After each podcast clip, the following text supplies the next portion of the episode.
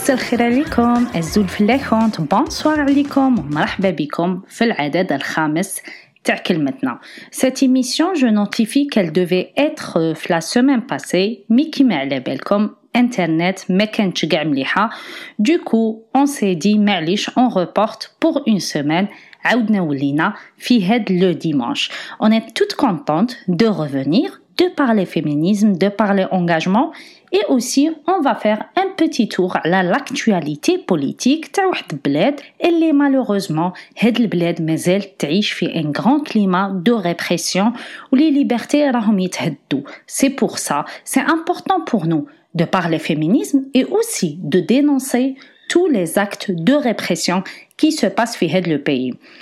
On est toute rampante de vos messages d'encouragement. Ça nous donne toujours envie de continuer l'initiative. Je rappelle que c'est une initiative 100% bénévole, une initiative féministe qui fait la promotion du féminisme laïque en Algérie. Euh, راني نحكي عليكم ça nous fait toujours plaisir de lire vos commentaires les interactions تاعكم في la page تاعنا Facebook c'est le moment de vous dire خاوتي خواتاتي partagez maximum abonnez-vous à la page كلمتنا activez la cloche de notification باش يوصلكم كل جديد على كلمتنا اليوم c'est une émission exceptionnelle parce que le sujet تاع اليوم c'est les femmes et la poésie. Après, on va toucher un mot à la présentation تاع le thème تاع اليوم. نسمعوا la chanson ونعاودوا نقولوا.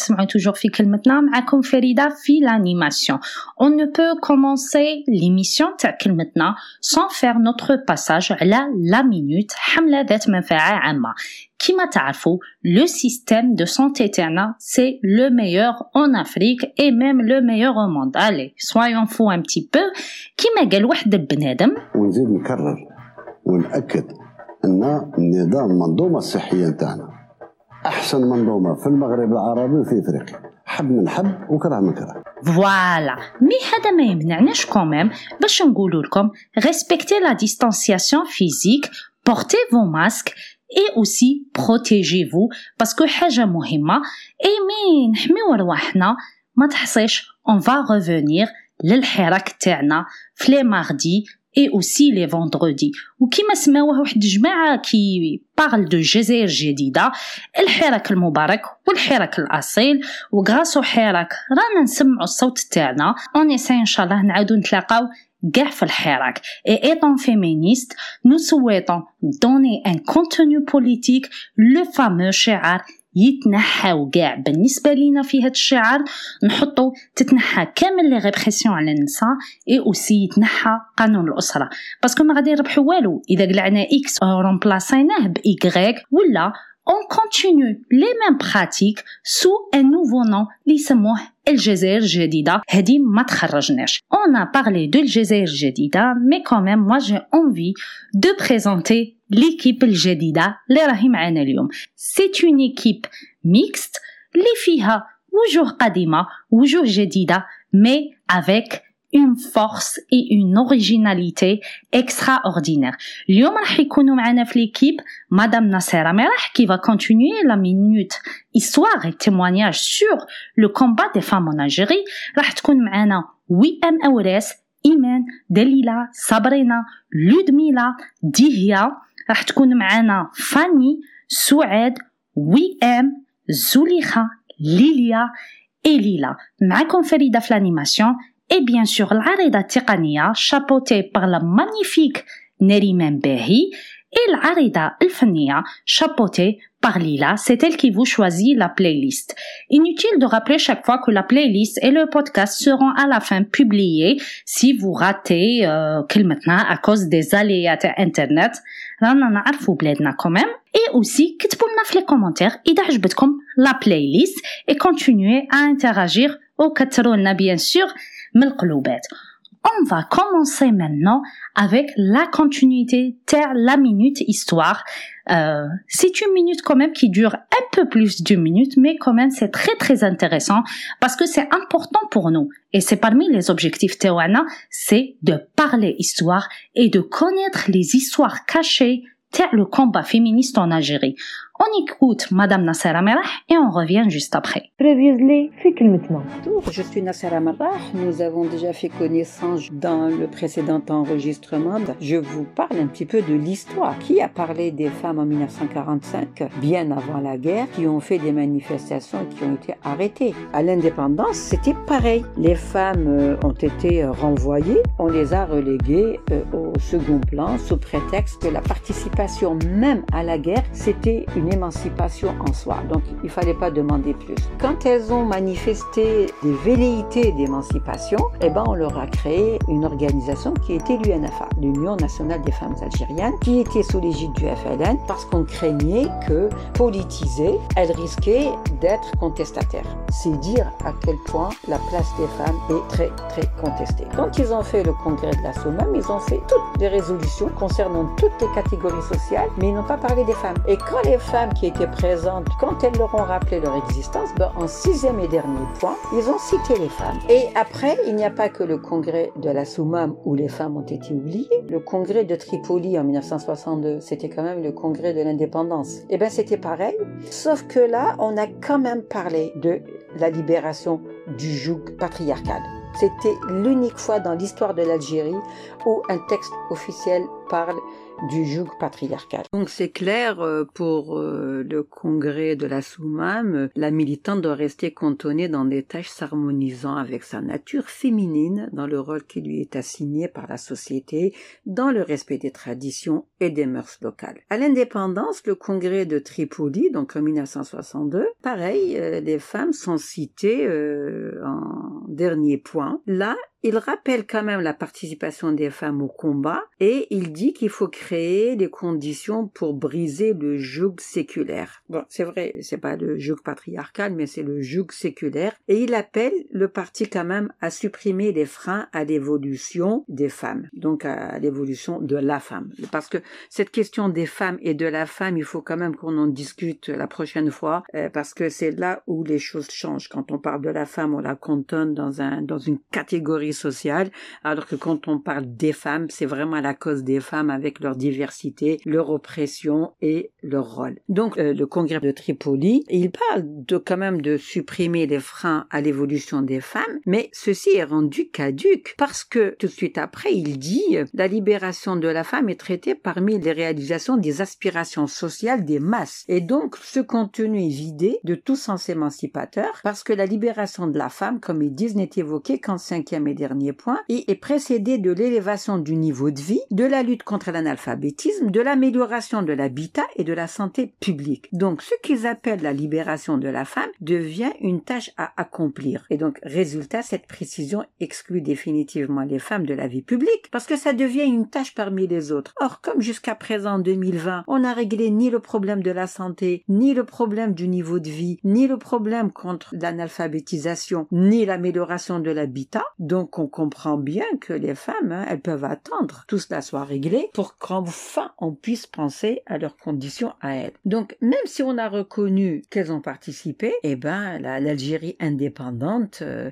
rappelle que les femmes ne sont que femmes parce que dans le texte on parle de la femme et on parle du peuple algérien. Et là c'est toute la différence. Quand on parle du peuple algérien, si la femme, comme ils disent, était considérée comme une citoyenne, eh ben on aurait parlé des droits du peuple algérien et non pas de l'émancipation du peuple algérien et de la femme en particulier. En 1963, il y a la première constitution algérienne, mais c'est pareil. La constitution, elle énonce en préambule qu'il s'agit d'accélérer l'émancipation de la femme, encore une fois la femme, afin de l'associer à la gestion des affaires publiques et au développement du pays. On voit bien que l'émancipation des femmes, ce n'est pas pour leur émancipation, c'est juste pour qu'elles puissent participer aux affaires publiques. Et ça, c'est très très important parce qu'on voit, on va voir plus tard en 1976 dans la charte nationale, c'est pareil, hein, on doit limiter l'émancipation et la liberté des femmes juste au travail qu'elles doivent mener pour euh, l'évolution économique du pays. Donc les textes officiels, avec le peu qu'il y a, ils ne sont pas appliqués, même si on peut considérer qu'il y a une volonté d'émancipation des femmes, mais leur émancipation est freinée quand même par leur confinement dans une organisation qu'on crée spécialement pour elles, pour essayer de réfréner la volonté éventuelle des femmes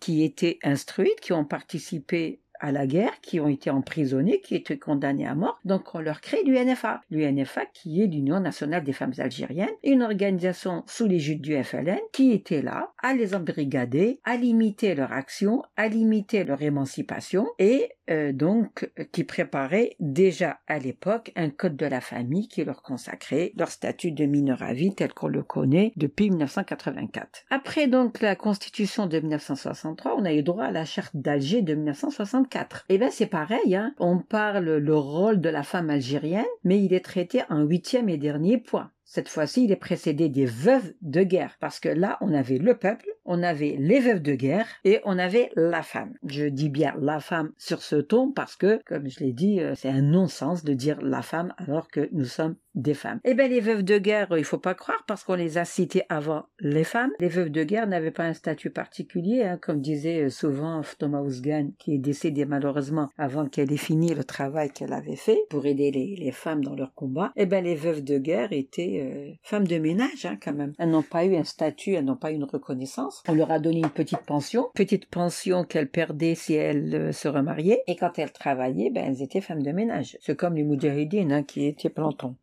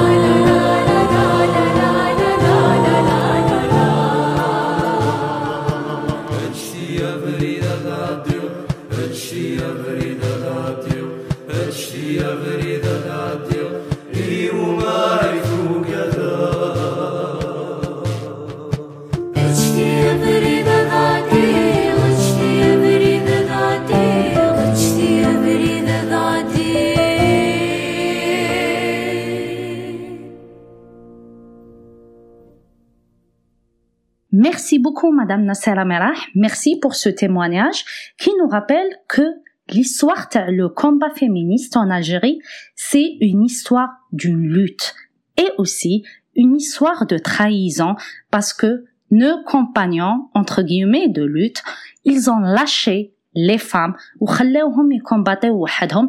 بصح معليش حنا نواصلوا النضال تاعنا ونواصلوا المشوار تاعنا. تاني كنتو تسمعوا في لا شانسون اللي وقدود سي اون تري تري بيل شانسون سي اون ريبريز maintenant on va parler du sujet تاع اليوم sujet تاع اليوم c'est un sujet très très spécifique. C'est un sujet que je maîtrise pas du tout parce que ma la fibre artistique aucune déjà. On dirait la fibre euh, commentée, c'est euh, quand même un art très très difficile qui m'a comme tu vois, j'ai euh, j'ai commenté fait que maintenant. Non, je déconne. En fait, Lyon Radin elle a les femmes et la poésie. Et souvent, l'histoire la poésie ou les histoires la poésie, c'est autour d'une personne. Imen Lyon, elle nous a choisi l'histoire d'une poétesse. Nous Imen et on revient juste après. Bijaya est un poème naturel, a dit Bahar Jawad. Il faut imaginer Bougie, la ville éclairée par son nom, Vgait, la perle de l'Afrique, l'antique Saldaï, à l'époque du Moyen Âge. Lorsqu'elle avait, sur la côte d'Afrique, la prépondérance des lettres et du commerce, trois fois millénaire.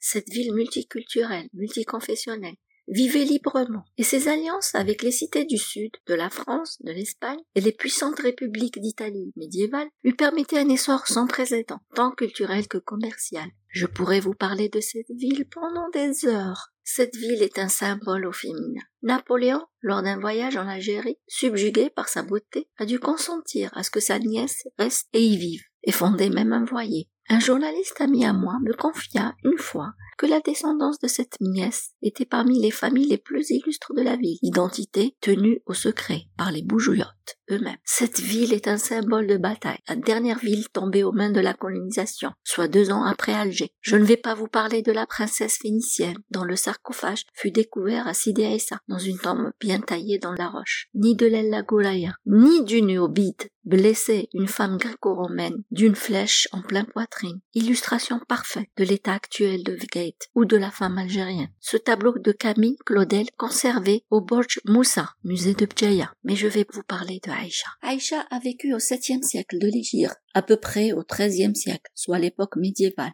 L'instruction était si peu répandue parmi les femmes musulmanes de l'époque qu'on est en droit de regarder comme des phénomènes celles qui se sont distinguées par des compositions littéraires ou des essais poétiques, comme Aïcha. Les auteurs qui en parlent leur accordent très peu d'importance. Rien n'est rapporté sur leur vie, ni leur parcours, comme s'il était oiseux, sinon ridicule, d'attacher de l'importance aux travaux intellectuels d'un sexe placé dans un rang inférieur par la société de l'époque. Mais le peu qui nous est rapporté de Aïcha la sublime. Dans son livre intitulé Anouane Diraya fi Bijaya, traduction les spécimens de la science ou notice sur les docteurs de bougie, septième siècle. Al-Rabrini laisse échapper, à propos d'une femme, lettrée, cette époque, quelques détails dont la singularité ne peut être dédaignée par les lecteurs de la revue africaine. Je les transcrirai ici mot pour mot, de peur d'ôter au récit sa physionomie naïve. Ce n'est point une biographie. L'auteur raconte seulement des faits, décousu et s'abstient même de toute réflexion, là où nous nous attendions de lui des considérations philosophiques sur le rôle de la femme dans la société musulmane. Omar Ben Yahya el-Husseini, dit al-Rabrini, au commencement de son ouvrage, était jurisconsulte de mérite qui composa un traité envers des devoirs religieux. Il eut une fille nommée Aïcha dont l'éloquence égalait les connaissances en littérature. Elle avait copié de sa main l'exégèse du Coran de Ta'alibi, l'Andalou, divisé en 18 chapitres. Et ce chef-d'œuvre de calligraphie fut trouvé si admirable qu'on le plaça dans la bibliothèque des sultans de Bougie et de Constantine. Aïcha dévia Ibn al-Fakkoun, un poète de Constantine, en lui proposant l'énigme que voici. صدني عن حلاوة التشييع اجتاءني مرارة التوديع لم يقم خير ذا بوحشة هذا فرأيت الصواب ترك الجميع Traduction En me privant de la douceur de ces derniers adieux, il a voulu m'épargner l'amertume de la séparation, parce que l'une ne peut compenser l'autre, et j'ai trouvé convenable le sacrifice du tout. Après s'être mis l'esprit à la torture, le poète constantinois fut obligé de garder le silence et ne sut comment répondre à cette énigme. Certainement, il devait faire des avances à cette dame. On raconte encore qu'ayant été demandée au mariage par un homme chauve et peu avenant, Aïcha, la brillante Aïcha, improvisa devant ses amis l'épigramme suivant. قبيح الإشارة والمنزع يروم الزواج باللواتي يروم به الصفح لم يصنع برأس حويج إلى كيتي ووجه فقير إلى بركوعي Suis-je coupable de dénier un amoureux chauve, aussi laid physiquement que moralement Il prétend au mariage pour s'unir à ma personne, mais ne demanda qu'un soufflet. Je refuserai de l'appliquer. Sur une tête bonne à cautériser, sur une figure faite pour être cachée. Aïcha a laissé quelques essais littéraires et des morceaux de poésie. Quant à sa copie du tafsir de Ta'alibi, dont il est parlé plus haut, Al-Ghabrini l'a vu aussi dans la bibliothèque d'Ibn al-Razi, un imam de la Kasbah à Constantine.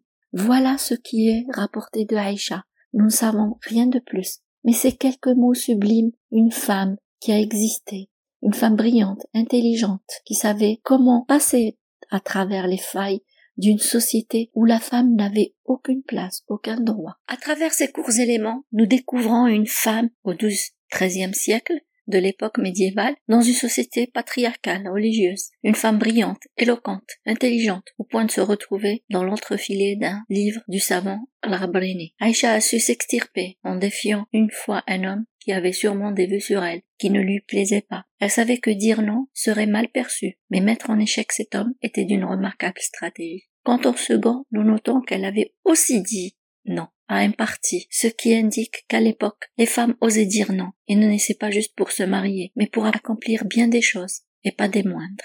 En 2014, le destin a mis sur mon chemin la terre de mes ancêtres, et j'ai découvert Aïcha dans une demi-page d'un livre sur Gallica, qui réunit les archives coloniales. Je remercie monsieur Charbonneau. Je suis toute troublée, elle m'envoie un message féministe, même s'il n'en a pas trop l'allure.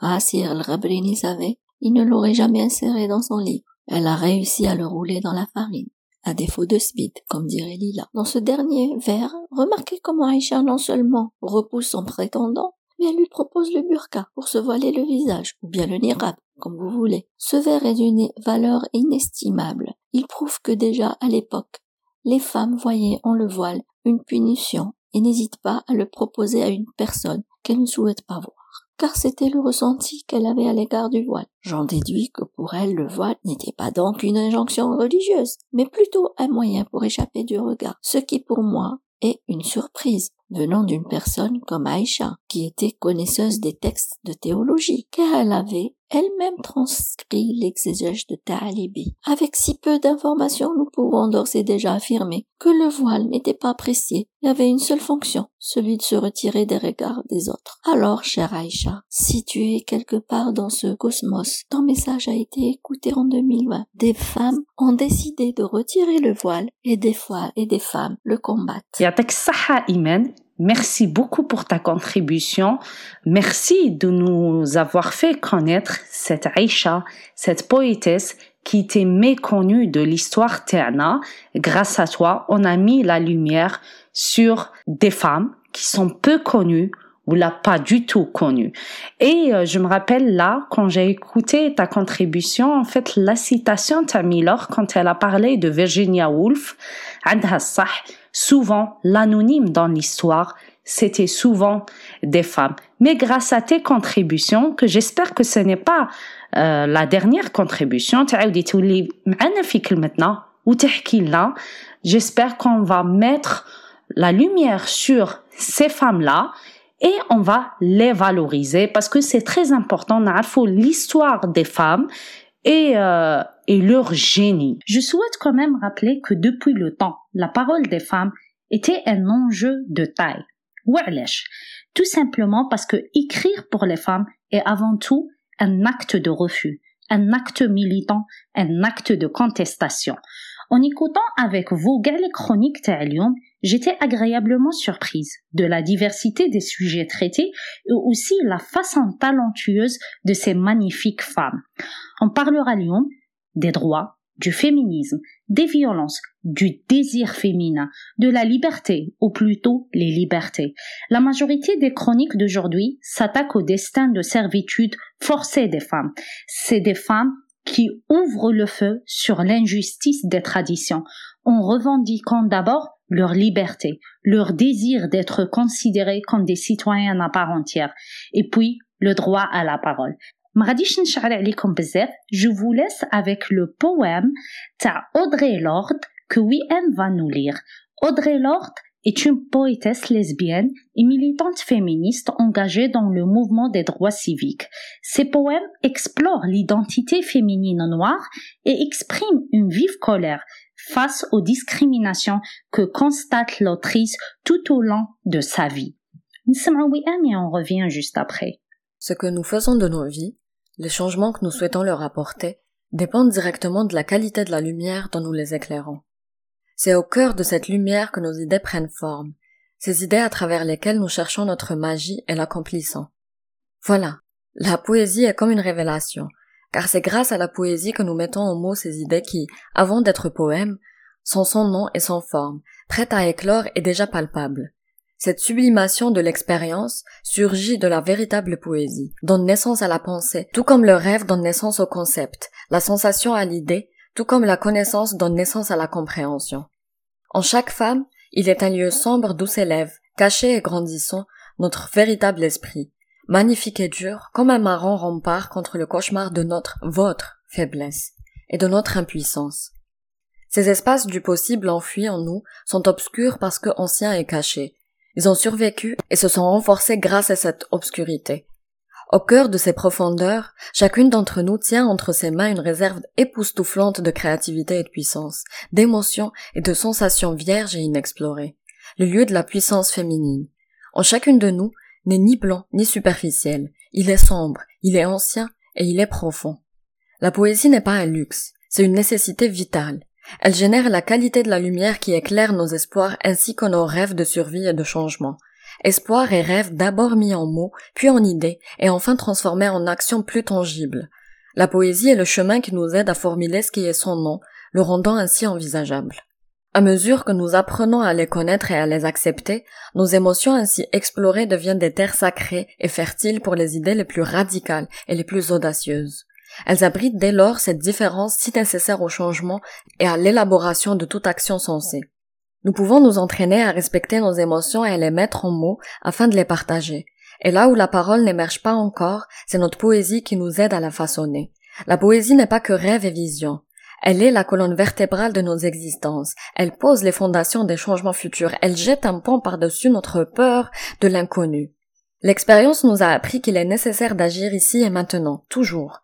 Nos enfants ne peuvent pas rêver s'ils ne vivent pas, ils ne peuvent pas vivre s'ils ne sont pas nourris, et qui d'autre leur donnera cette précieuse nourriture sans laquelle leurs rêves ressembleront aux nôtres.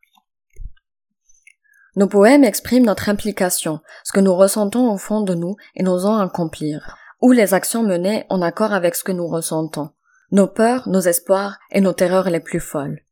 Parce que nous vivons au sein de structures façonnées par le profit, le pouvoir vertical, la déshumanisation institutionnalisée, nos émotions n'étaient pas censées survivre. On attendait des émotions mises à l'écart telles qu'incontournables accessoires ou d'agréables passe-temps qu'elles s'agenouillent devant la pensée de la même façon que les femmes s'agenouillent devant les hommes. Mais les femmes ont survécu, en poètes, il n'y a pas de nouvelles souffrances. Nous les avons déjà toutes endurées. Nous avons enterré cette vérité à l'endroit même où nous avons enterré notre puissance. Elles refont surface dans nos rêves, et ce sont nos rêves qui nous indiquent le chemin de la liberté. Ces rêves deviennent possibles grâce à nos poèmes qui nous donnent la force et le courage de voir, de ressentir, de parler et d'oser.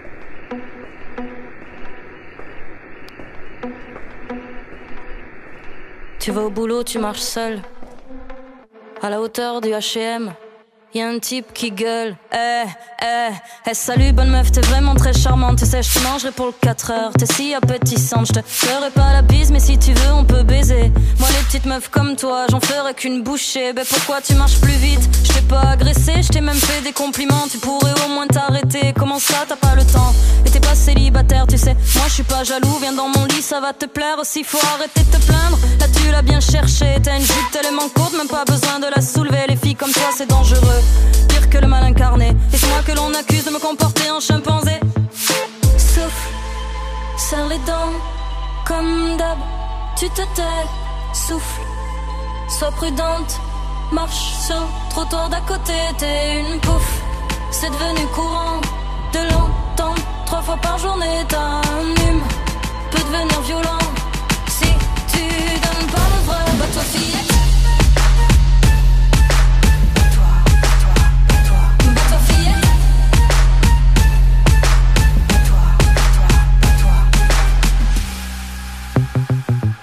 T'es au boulot dans la réserve. Tout le monde est parti manger. Le patron t'appelle dans son bureau. Deux minutes pour discuter. Salut Caro, aujourd'hui t'es ravissante. J'aimerais t'inviter à dîner un soir où ma femme est absente. Ouais, je sais que t'as un mec, mais ça c'est pas gênant. Ton joli décolleté me dit que t'es plutôt partante. On pourrait faire ça ici. Tout le monde est parti, ça fait longtemps qu'on se connaît. Tu vas quand même pas refuser. Façon, si tu dis non, moi j'entendrai un oui. Tu diras que je suis con, je plaiderai ton hystérie. Tu serais pas la première, passer sous mon bureau. Les filles comme toi font moins les fiers quand elles veulent garder leur boulot. Alors maintenant tu vas te taire, t'en diras pas un mot. Si tu veux garder ton salaire pour nourrir tes marmots. Souffle, serre les dents, comme d'hab, tu te tais. Souffle, sois prudente, marche dans le couloir d'à côté. T'es une pouffe, c'est devenu courant de l'entendre trois fois par journée. Un gentil peut devenir méchant. Faut pas croire au Disney. Va-toi, fillette.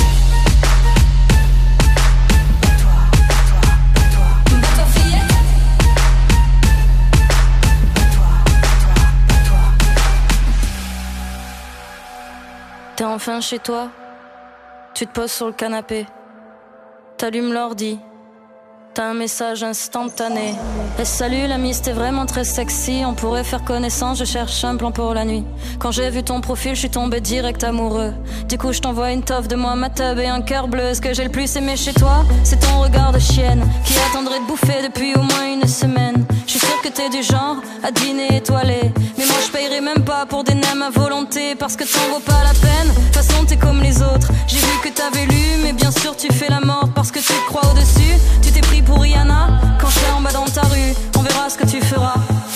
Souffle, serre les dents, comme d'hab, tu te tais. Souffle, sois prudente, marche dans le couloir d'à côté. T'es une pouffe, c'est devenu courant de l'entendre trois fois par journée. Un gentil peut devenir méchant. Faut pas croire au Disney, va toi fillette.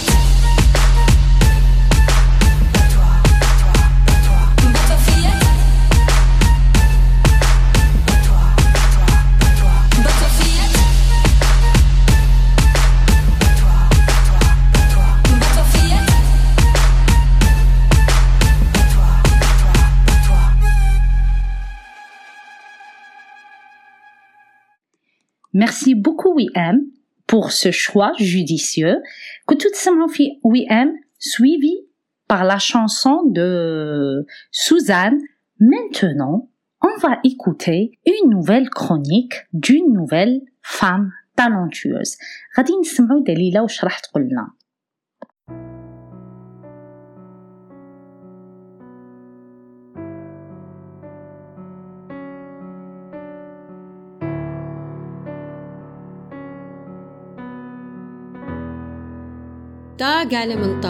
je suis une femme. Je suis une femme aux yeux du mâle, je suis la femelle. Assailli, injurié, agressé, j'ai rendu mon âme. Je suis une femme, je dis femme si je refuse le polygame. Je dis femme si je montre mon peine, car je suis une femme, je suis condamnée au délit de blasphème. Livrée à des foules qui acclament, des foules qui acclament le réveil des bourreaux des femmes qui passent à l'infâme. L'héritage, je n'en dispose. Porter le nom, c'est déjà pas mal. Féminicide, je défrais la chronique de sociodrame. À j'ai rendu mon âme entre les mains de mon mal. Ma petite femme laissée à mort affamée n'a rien fait de mal, sauf d'être née avec la silhouette d'une femme. Car je suis une femme à Rome mon laissant pour mort. Mon frère me laissant pour mort, gisant dans le sang dont le tien est le même, assouvissant le mal qui le de la femelle. Assouvissant le mal qui le de la femelle est son seul problème. Je suis algérienne, j'existe. J'existe que je sois en pierre ou en chair.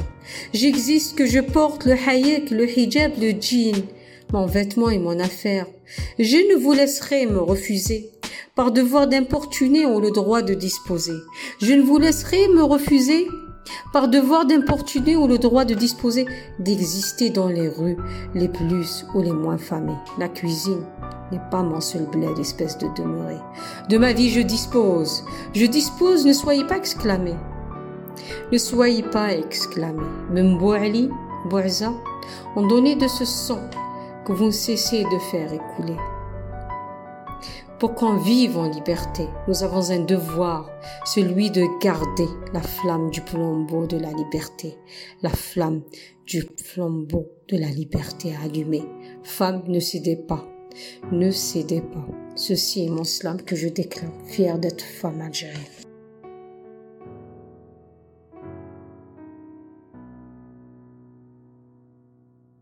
magnifique Delila يعطيك الصحة vraiment euh, honnêtement niveau في كلمتنا راه يطلع بزاف et euh, je suis très contente nous avons des femmes talentueuses des femmes engagées des femmes qui font qui font des miracles en fait. Merci. Je retiendrai du pont MTAC, ne cédez pas. Et je suis fière d'être une femme algérienne. Nous sommes fiers d'être des femmes algériennes. Nous sommes fiers de continuer notre lutte. Merci beaucoup Delila. Marhaba à tout moment. Biben Et j'invite aussi toutes les personnes qui souhaite contribuer maintenant, contactez-nous, c'est avec un grand plaisir. Je suis tellement très très contente d'animer euh, l'émission Tarkil maintenant parce qu'il y a beaucoup de talents et l'émission Talium nous a permis de connaître beaucoup de femmes talentueuses Parmi les objectifs تاعنا في كلمتنا, c'est de faire aussi la promotion تاعهم et de les mettre en valeur. قعدوا معنا, c'est vraiment une belle émission. D'habitude, ندير des chroniques, mais كما قلت لكم tout à l'heure, je n'ai aucune fibre artistique. Donc, قلت بلي ندير حاجة en vous donnant une nouvelle information. J'ai cru qu'il y a une منظمة هكا عالمية quelque part اللي فيها, je sais pas, l'organisme mondial des poètes et des poétesses et tout. Et je voulais voir le ratio homme-femme. شحال كاين من poète homme et شحال كاين من poète femme pour essayer de construire autour. Est-ce qu'il y a plus de femmes qui parlent poésie ou pas? Mais je n'ai pas trouvé honnêtement sur le net mais je suis tombée quand même sur un très très beau article de du magazine Clio, la section femmes, genre et histoire, fait par Zineb Louedej, qui s'appelle Poétesse d'expression arabe. Et en lisant, j'ai découvert en fait que Hket, quelque part, elle a Ahlam Mistranmi. Donc je me disais, pourquoi ne pas mettre en valeur Ahlam Mistranmi? J'ouvre les guillemets et je cite. Ahlam Mistranmi est l'une des écrivains d'expression arabe les plus courageuses et les plus audacieuses.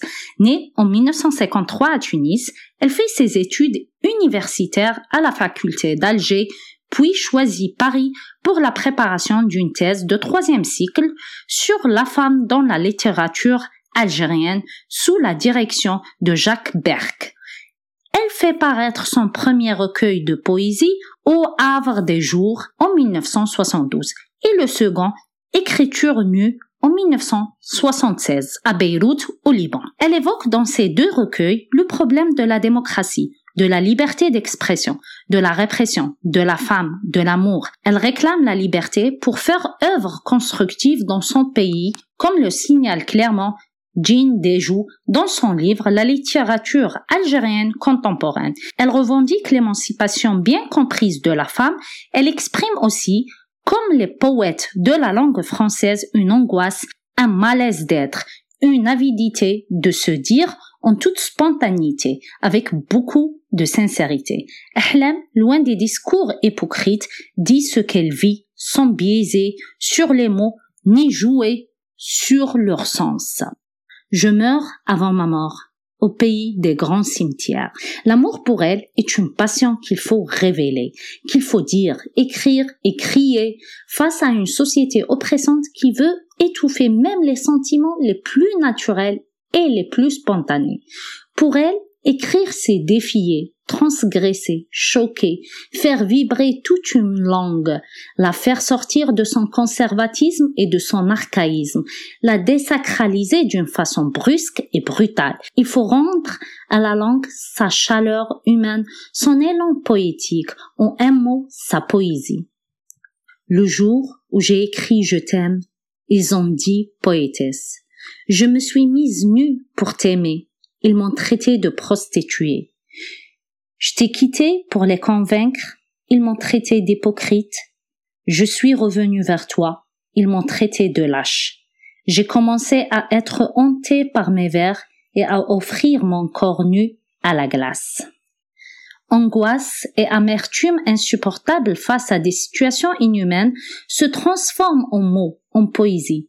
Ahlam fait partie d'une génération qui n'écrit que sur un présent, même si ce présent est lié d'une façon ou d'une autre à un passé dramatique, dont la désespérance est devenue un fardeau qui gère son épanouissement et son ouverture sur d'autres mondes plus merveilleux et plus poétiques. Fin de citation. Comme je l'ai dit tout à l'heure, la référence de cet article sera mise en ligne la page qu'il maintenant et c'est un article de Zine Blouedge, poétesse d'expression arabe, paru le magazine électronique Clio, Histoire, Femmes et Société, mise en ligne le 29 mai 2006, consulté le 18 septembre 2020. Maintenant, بعد ما حكينا على أحلام مستغانمي غادي نروحو نسمعو واش راح تقولنا صابرينا une nouvelle voix في كلمتنا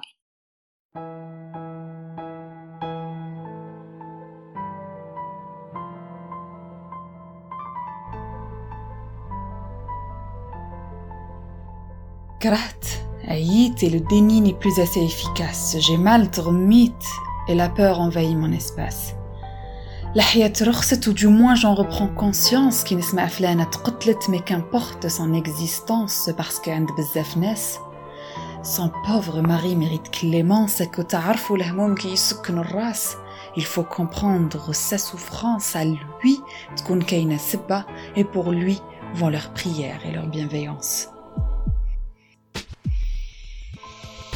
Ma colère est en effervescence وماشي قادرة نسكت leurs propos sont d'une violence وعلى قد ما قفلت عيني تحلت et la douleur est immense على قد mon impuissance Dévastateur est le constat que je fais et refais en permanence que je refoule parfois mais qui ressurgit avec l'arrogance de ceux clamant l'innocence du pauvre meurtrier contre sa femme sans défense. La misogynie tue et avec condescendance se fait avocate du diable, infligeant ainsi une double sentence à un genre toujours coupable.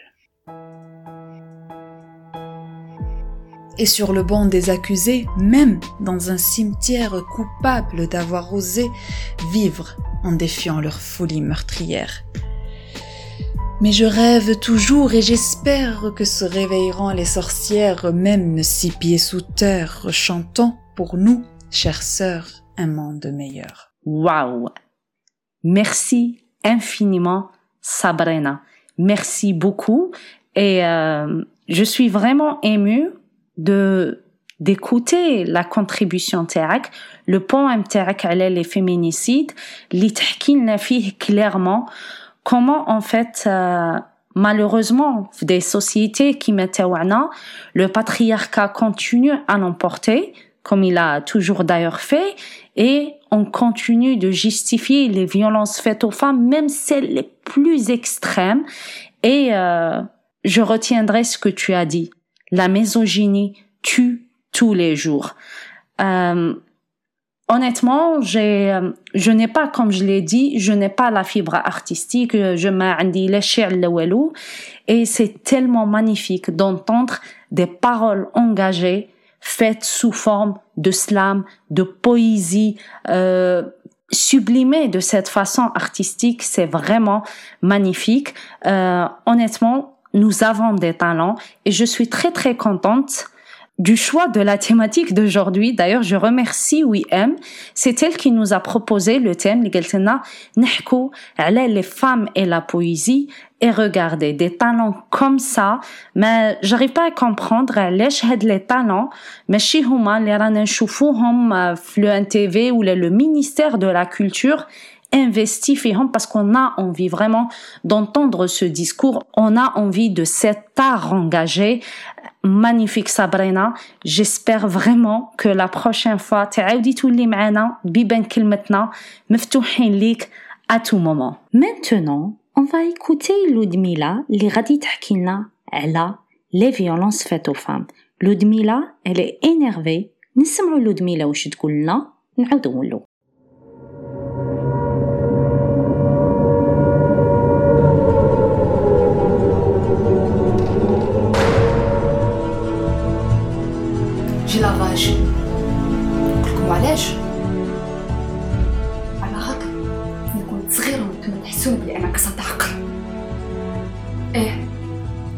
لاغاج نقول لكم علاش؟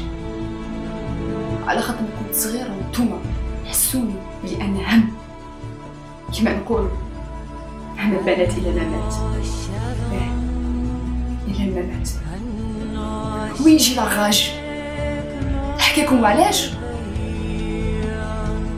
على خاطر كنت صغير وأنتم ربيتوني على الحرمة. حرمتوني من الحب. اسمها هذاك التقاليد إيه. إيه جينا خارج؟ قلكم علاش أختي عيطيش صغيرة وكنت تقولولي متهدريش متعيطيش متخرجيش متحبيش سكتي. بحال كلام الغاشي شدي فمي وداري العقل. ماشي نهار عاجل زدلكم علاش على خاطر تحكروني برموني حد شو بيا دولتيكم دولتيكم إيش الخاش قلكم علاش أنا خطب جسد تاعي وحياتي سدع فيهم. غير أنا. ما عنديش هضره غير أنا. ويجي نخاش قلكم علاش أنا خطب ندير القانون أسرة. كاع نحضر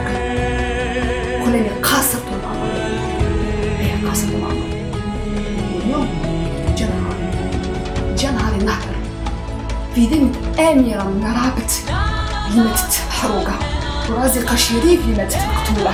ونبيلة جحني وكاتي ذبحتوهم نهضر نعيط ما نسكتش حتى واحد فيكم ما يزيد يقولني ماشي بلاصتك حتى واحد فيكم يزيد يقول ماشي وقتك. حتى واحد فيكم يزيد يحقرني. حتى واحد فيكم يزيد يسكت لي حتى واحد فيكم يزيد يضربني.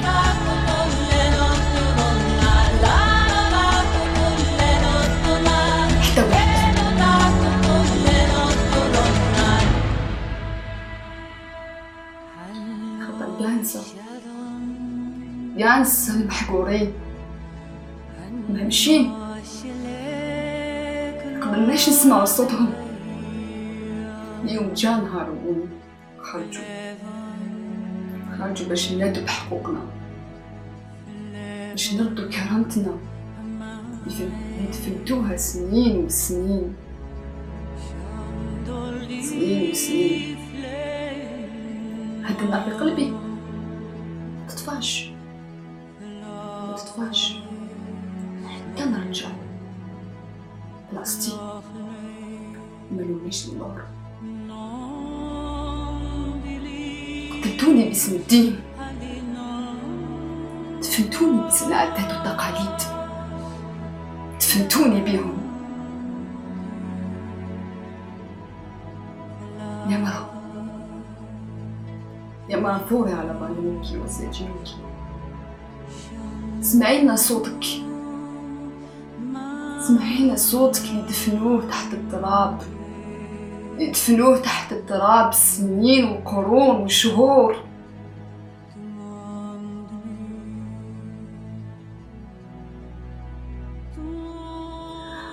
وطني المفدي الثائر انتهى عصرنا بي. أنا حرة في الجزائر. الأمة صحيح والتناصر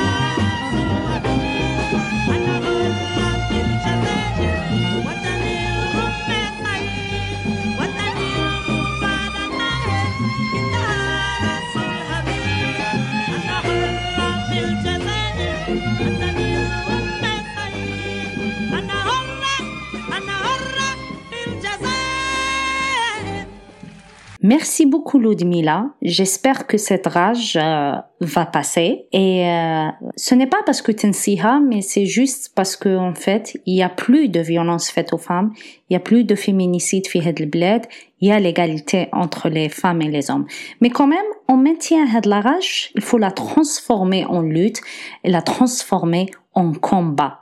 Et c'est ce qu'on est en train de faire في كلمتنا قاعد la rage تاعنا رانا نليموها ونحاولوا on essaie de cristalliser cette rage pour créer des nouvelles initiatives et continuer la lutte تاعنا autrement en attendant que نعاودوا نولوا للحراك. Maintenant, on va écouter Dihya qui nous a fait un très très beau poème en kabyle en plus, donc un seul dihya et on va revenir juste après. أيغار أيغار ثويم ماد يزمير غيماني أيغار ثبغام هذا حقر غيماني تقضع مية غوال تقضع مية زيكليا ثرامي ذايلة ذايلة نويهن النوا ذايلة نويهن النوا إميسنيغ إنك الليغ نغلا تزنزميي ثغميي ثفرميي ثرنمت في اللي ثهنا الساعة أدنيني غلا الساعة أدنيني ثكفى ثمطوث تخثر من غيا ثمطوث تبغى في الليا غريغ غريغ نوي غادي فك الحيف.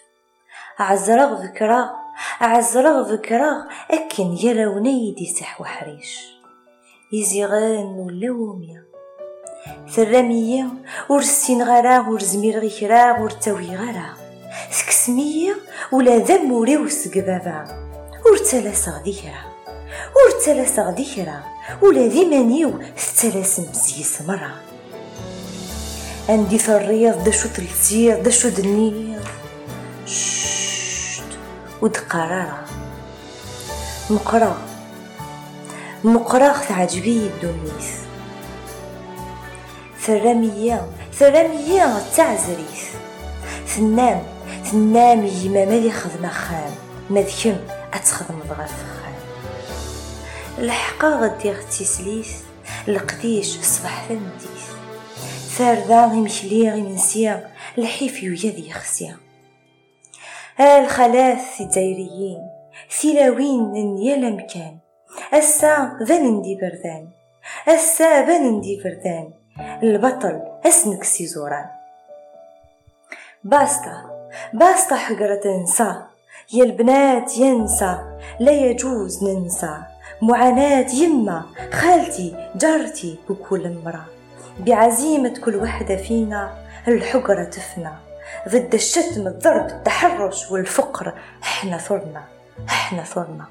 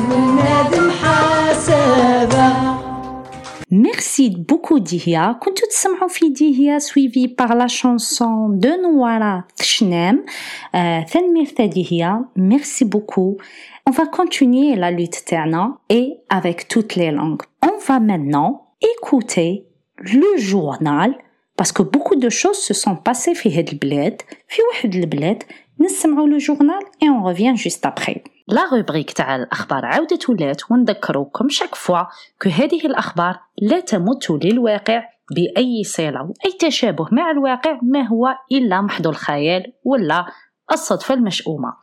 أطلق الجنجل.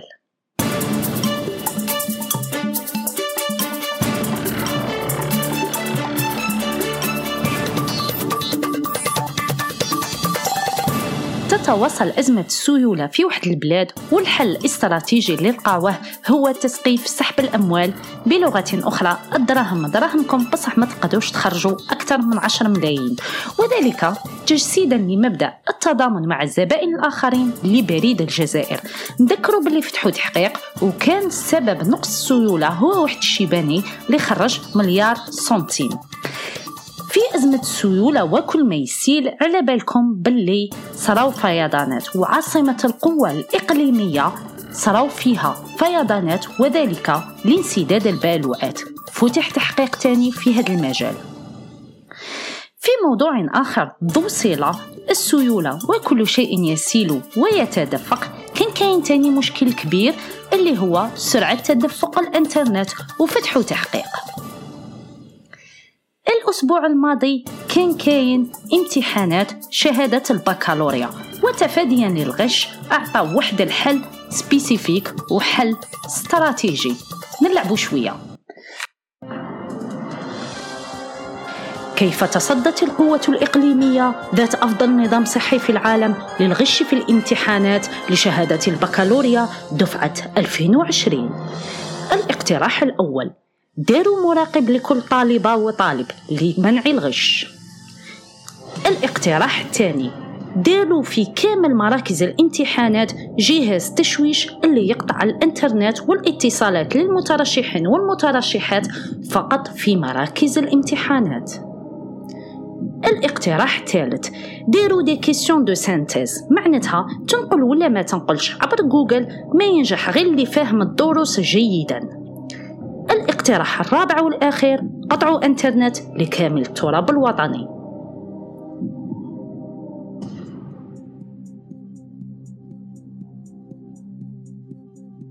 نحبسوا سسبانس الجواب كان قطعوا إنترنت لكامل التراب الوطني. في موضوع آخر مسودة مشروع الدستور خرجت وصارت علنية وبيبليك. وكان لنا الاطلاع الكامل لي ريكومونداسيون اللي نديرو اي اوسي المسودة الأخيرة فوطاو عليها على لونانيميتي من لي دو شامبر. نو نوتيفيون كوميم كو نعيمة صالحي في لاباج تاعها قالت بلي هي الشخصة الوحيدة اللي امتنعت عن الانتخابات. الملاحظة تاعنا بعد قراءة كامل مقترحات مسودة الدستور شفنا بلي كانوا بعض المواد اللي داروا شوية بوليميك كي في جازي هاد المواد تتمثل في المادة الثانية للدستور الإسلام دين الدولة. Les articles en relation avec le principe de l'égalité dans les droits entre les femmes et les hommes et aussi par rapport à la nouveauté sur la question de constitutionnaliser la protection des femmes victimes de violences.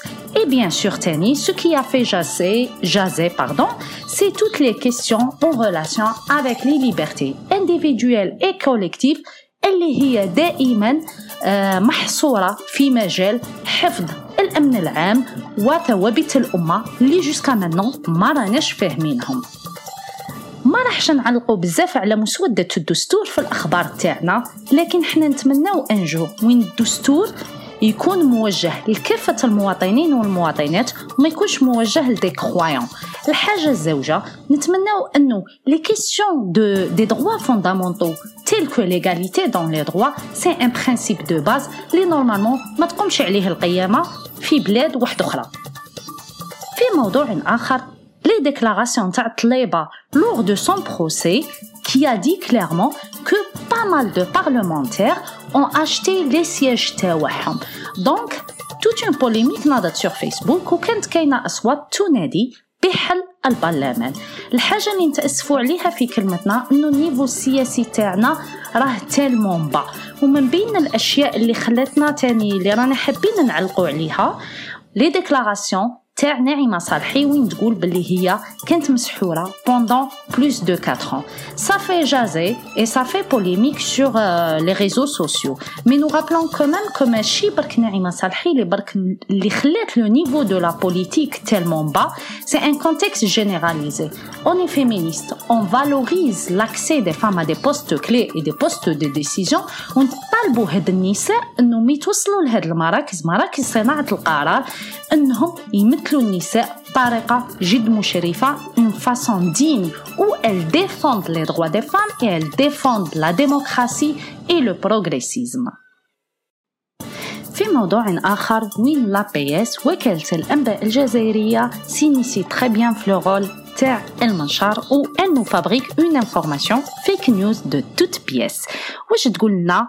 l'APS. Le bureau des contentieux de l'ONU rejette la plainte contre les autorités algériennes.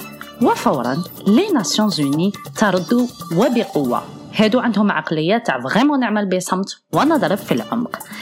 بعد نشر مقال يزعم أن إحدى هيئات حقوق الإنسان التابعة للأمم المتحدة قد رفضت شكوى من 24 ساعة من مواطنين جزائريين بعد تلقيها. نطلب من وكالة الأنباء الجزائرية سحب المقال وتوضيح القصة حيث استشهدت بهيئة حقوق الإنسان المخترعة ومسؤول أممي وهمي. كان تلفيقا كاملا من البداية إلى النهاية في حين أن هناك عددا من هيئات حقوق الإنسان هي التي تتلقى وتفحص الشكاوى. من هذا النوع إلا أن أي منها لا يقوم بإجراءات في 24 ساعة. كما سمعتوا هيئة الأمم المتحدة طالبت وكالة الأنباء الجزائرية سحب المقال.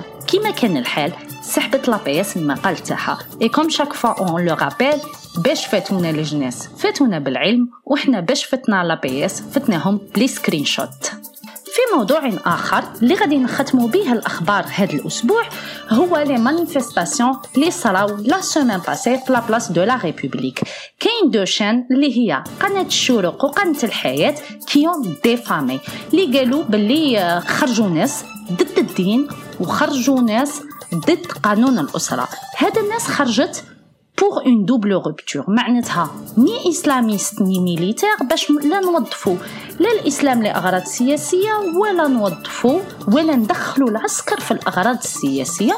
تاني هاد الناس خرجوا من أجل المطالبة ب آه إلغاء قانون الأسرة والمطالبة بالمساواة. حنا كوميم درنا خدمة هاد لي جورناليست اللي داروا هاد لي روبورتاج سوغ الحياة والشروق واتصلنا مع وحدة اللي نسمعوا لي تيموانياج تاعها أنا كمواطنة جزائرية مقيمة بفرنسا شاركت في مسيره يوم الأحد الفارط وطالبت ب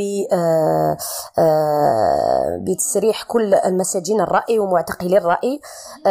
حرية التعبير ليست جريمة لذا طالبنا بالتسريح الفوري لكل مساجين الرأي. ثانيا أنا مشيت ضد قانون الأسرة طبعا لأنه قانون مجحف. مجحف في حق المرأة الجزائرية. آه ونحن نريد بناء دولة جديدة ديمقراطية آه بمبادئ ديمقراطية حيث تضمن الحقوق الأساسية لكل أفراد المجتمع.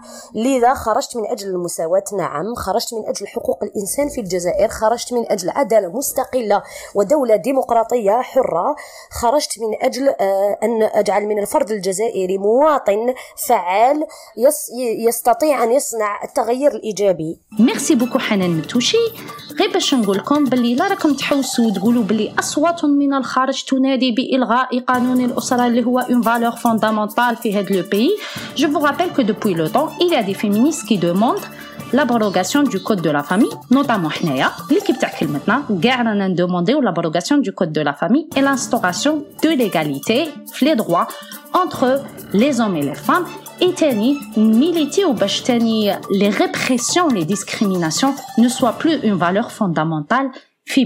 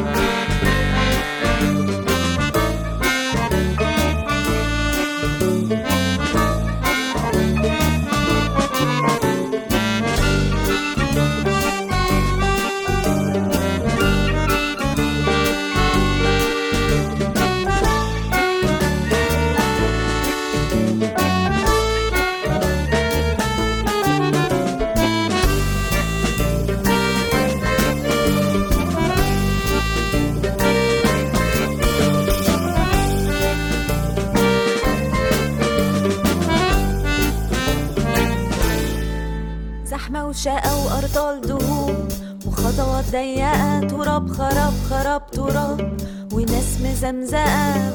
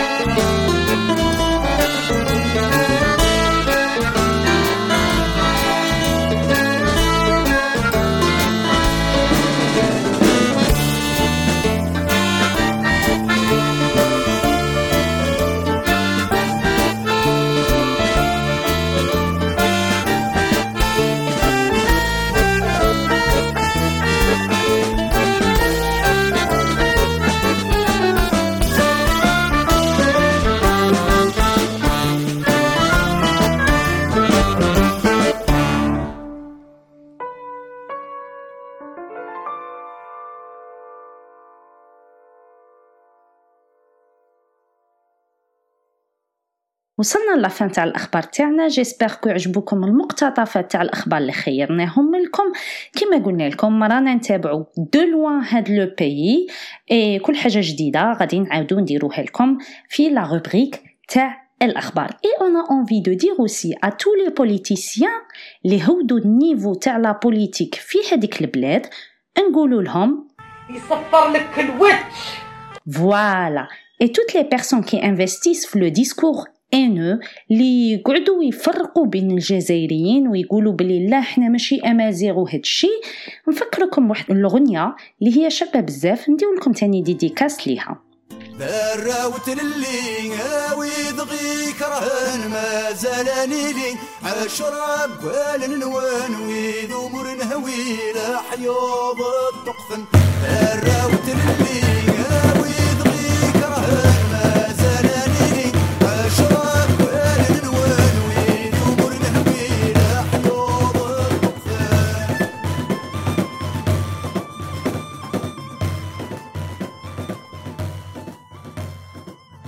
كنتو تسمعوا في فريدة في لا روبريك تاعها تاع الأخبار سويفي باغ لا شانسون كلو يهون اي جيسبر فريمون كلو يهون مي نشوفو لو فخوي تاع اون الجيري مودرن بروغريسيست ديموقراط اللي تحترم كافة الحقوق تاع كامل المواطنات والمواطنين وتاني ما نسكتوش على حقنا Maintenant, on va passer à la chronique de Lila. Lila est comme moi, Elle n'a pas de fibre artistique, mais elle est excellente parce qu'elle a la capacité de transformer un récit de vie à une très très belle chronique qui parle de la poésie des femmes, la parole des femmes, de la liberté de la parole des femmes. Nous sommes là et on revient. La poésie et les femmes, voilà un sujet bien qu'inspirant et complexe. Loin des différents textes que les copines ont lus et qui vont être lus, et loin du talent indéniable des femmes et de leur place dans la poésie, au départ j'étais inspirée, mais voilà, il se trouve que je n'ai pas cette fibre qui fait que je sublime les mots. Les seuls vers que je connais sont musique de fond s'il vous plaît. Voilà. راني قاعدة في الأيروبور راني قاعدة في الأيروبور ساعتين واقفة ما جداني راه نساني هاقلي على مور ماله ما جاش الديواني vous l'avez compris, Anna ou ça fait deux. Mais rapidement, je me suis dit, je peux au moins partir sur quelque chose de plus personnel, de ce que les femmes autour de moi ont fait dans ce sens. Et comme l'avait dit un pote, Eben Ami, tous les féministes, comme un avis surtout et n'importe quoi, et pour faire honneur à ce qui visiblement semble être sa propre devise, donc je vais vous parler de ça, mais surtout des femmes que vous connaissez ou pas, de mon entourage ou du vôtre, mais qui ne sont pas célèbres. Quand tu as comme la dernière fois, le quartier Je vous ai parlé comment les femmes subissaient les crises, mais je ne vous ai pas tout raconté. Pendant les années 90 ou les années 2000, terrorisme, notre ville n'a pas été touchée énormément par le terrorisme, mais des assassinats des figures politiques, culturelles et intellectuelles, ma ville en a connu. Des assassinats qui semaient de plus en plus la peur et la crainte. Dans ce contexte, notre quartier vivait le chômage, mais surtout de nouveaux phénomènes de Wibano, la mafia des vols de voitures et la mafia des autres Des hommes en l'occurrence c'est mes voisins, qui essayaient de, se faire du fric avant l'avènement et la découverte de la fonction de l'autoproclamé parkinger. De l'autre côté, c'est les deux clans et ils se respectaient mutuellement, il y avait un clan jdid en herbe. C'est celui des jeunes qui essayaient de se faire de l'argent, mais qu'aucun des deux clans ne voulait, puisque Hedou, 16 ans, 15 ans, 17 ans, des novices quoi. بالدرجة كنقولوا لهم مازالك صغير صاحبي ces jeunes, souvent quitté l'école, ne parvenaient pas à trouver du travail et se sont mis à voler les vêtements Ainsi les femmes. ينشروا صباح والعشية كي يجي يطبق الحوايج تلقى جلابة ناقصة حايك طاير سلوى راح ولو كان تصبر شوية تلقاهم في الطحطحة يتباعوا ah, bref. Un jour, ces jeunes ont volé une djellaba d'une voisine veuve qui peinait à boucler ses fins de mois. Révoltés, dans ce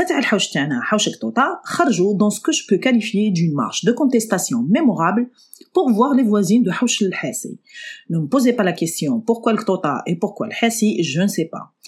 Pour celles et ceux qui se posent la question, c'est quoi un Hassi C'est les puits dans les habitats traditionnels? باش نكمل لكم مي فوازين داروا سكوندال بغاف لو سوار لي دو كلون تاع زطلا و تاع خينا تاع الوطا راحوا يحكم على لي فولور تاع جلاليب وبدعيات بور لور دير فيما فحواه من عمي بغيتو تخاونو ما معليش بصح ما تخاونوش لي فا لي فام فوف اي ديفورسي Voilà la moralité à la rencontre du crime. Retenez que les vols n'ont pas cessé. Loin de ce climat qui pourrait faire l'objet d'un scénario, d'un film sur la mafia de Chicago, les femmes de notre quartier n'ont pas renoncé la réponse était beaucoup plus festive et subtile. Alors, Khaldi Mamia, vieille dame de notre quartier, deuxième étage, رفضت tabla au banc, banc signifie un tabouret, hein. ولا تقعد تما وحطتهم في السطح officiellement باش تتسمش officieusement pour combattre le crime et les jeunes filles de notre house commençaient à partir l'سطح officiellement pour tenir compagnie à Khalti Mamia officieusement draguer les hommes et surveiller les amoureux Et oui, c'est comme ça. Dania Hadi, c'est des intérêts. Et c'est comme ça que les vols, tel voyage, ont cessé. Et les gadettes de Khaltimamnia ont évolué pour donner lieu à des gadettes musicales de Mdehet et des récits de femmes.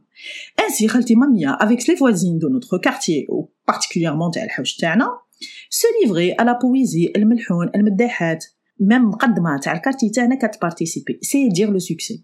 Avec des instruments de fortune, بيدو تاع السياق برميل تاع خمسة يوطرو تاع الزيت عافية للي راهم عاقلين عليه من سوق الفلاح ولا بسينة تاع معين بلا ما نقول لكم باللي قاعدة كيما هذه اي تاكومباني دو تي اي دو كافي اي دو باتيسري تراديسيونيل ها قريوش ها سفنج ها مسكوتشا ها اتاي ها لامونا sans oublier الله يحضر dédicace et le célèbre tourneau. Alors, Khalti Mamia a créé un vrai espace pour toutes les femmes de notre quartier. Pour l'espace d'un peu plus de les femmes se retrouvaient autour d'une chose, nous, les femmes. Ma mère, de temps en temps, Pour ma part, j'ai appris de nouvelles choses. Deux expressions. Et puis, la réponse de Mqadma quand une femme lui a rappelé que c'est une hajja et que c'était inconvenable d'assister à ce genre de spectacle. Et puis, c'est avec ces femmes que j'ai appris à danser. Mais qu'ont raconté ces femmes dans ce qu'elles chantaient? En fait de tout et de n'importe quoi. Elle parlait de la misère, le fait d'être femme, du quai suggérant le vin. Elle parlait des hommes, beaucoup d'hommes, de la séduction, de l'amour, de faire l'amour, de sexe, de le Plus tard, j'avais compris que le c'était une façon d'évoquer l'orgasme. Ça évoquait l'infidélité, l'adultère, la polygamie, le harba, le célibat, l'amant, le fait d'être orpheline, la mini-jupe, le djellaba, le jean, la moustache, le tatouage, le prophète, en gros de ce que vivaient les femmes et qui pourrait influencer la vie des femmes. Des femmes qui pouvaient passer du rire aux larmes, des larmes au sourire moqueur sur quelques vers ou phrases à double sens. Je pouvais facilement voir les visages de ces femmes se détendre. Des traits de visage qui s'adoucissaient, le temps d'une danse ou d'une chanson. Voilà tout. Et c'est comme ça que j'ai appris que le Bera Arbia ou Shrab Geori, une phrase tirée de la chanson de Fadela. Plus tard, j'ai appris que cette femme a lutté contre l'interdiction des femmes chanteuses dans les salles de spectacle en Algérie. Si les hommes de notre quartier se foutaient pas mal, le imam de notre mosquée n'était pas du même avis. Dans deux mois, il se lance dans un réquisitoire contre les femmes, contre la musique et contre les voix des femmes.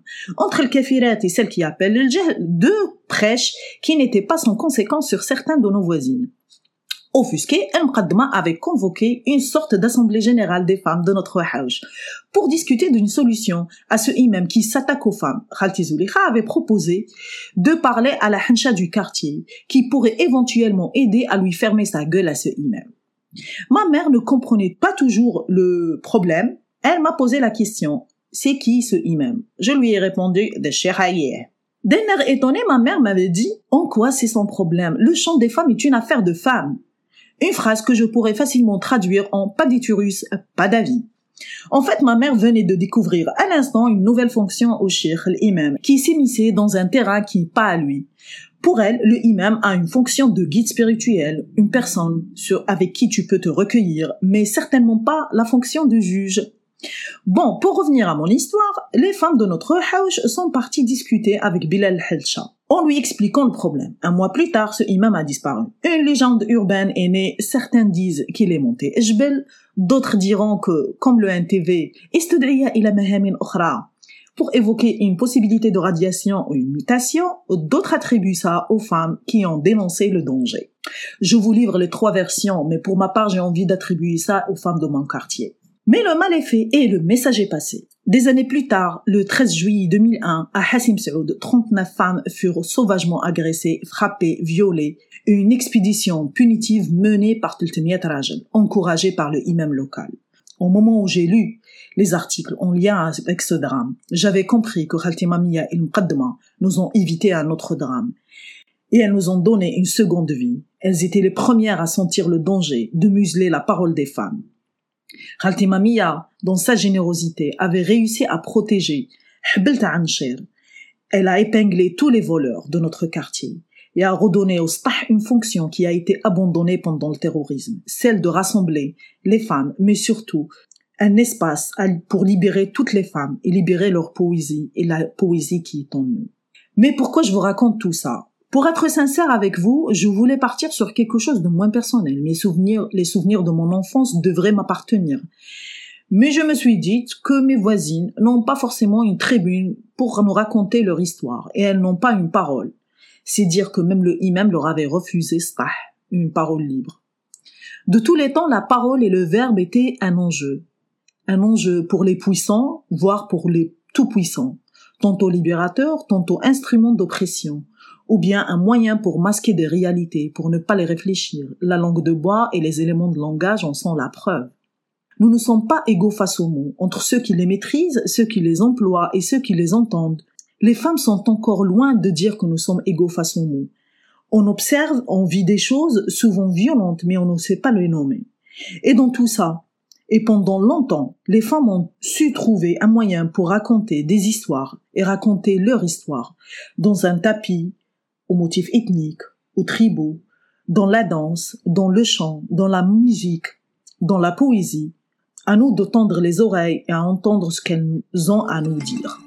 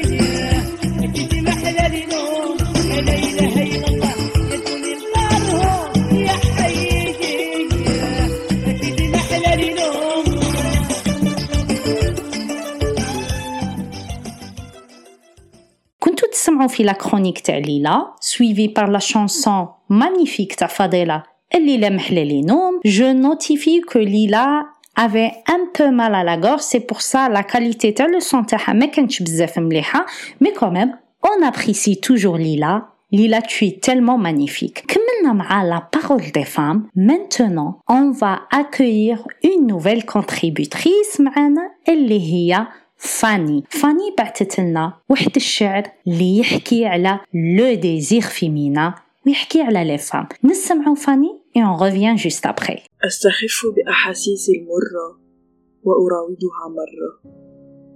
أتدرع بدوامة بؤسا أطالبك بالرحمة. فلا سوف أقاومك باللوعة. وإن حسمت يدي بحبل غيظ متلف للوجدان. سأظل أثيرك بأقوال تثملك في الهوى. قالت إذا أهملتني فأنا لست براضية قلت إذا أهملتك فأنا لست بمرضية. قالت فأنت سوى بمحبة خاشية. تتحدثين عن الحب كأنك داعية. قلت أتشبت بمحادثتك راوية. يا من رميت قلبي بهاوية قاتلة لروح عاشقة. قالت يا شبحا ثنى روحي بزاوية في ليال عارية أركض إليك من بعد كل لمسة غاوية. إلى حد الجنون. سكون سكوت سكون سكوت. يلبسني ويغطي جسدي. جسد لطالما عشق التجرد. خواء مكث بي. متسلط مغذمر يرجف كياني خوفا كره النسيان كره النسيان. بأحلامي تلاحقني وبماضي تعاقبني. فجلدت مخيلتي مرارا تعسفا لأرتاح من عذاب المدمر. حب بلا سوابق قبلات بلا نواتق أحاسيس بلا عوائق. نثر مرموق يثير الفسوق مجرد بلا نفوذ امرأة ترافقني بلا وعود في زمن مقاتل للوجود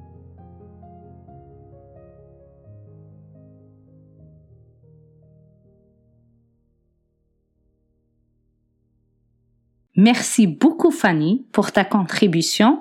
Euh, je souhaite vous raconter que Fanny c'est une amie féministe اللي تلاقيتها d'ailleurs في الدوائر النسوية في les rencontres euh, féministes entre nous et je ne savais pas qu'elle avait la fibre artistique هذه تاع les poétesses.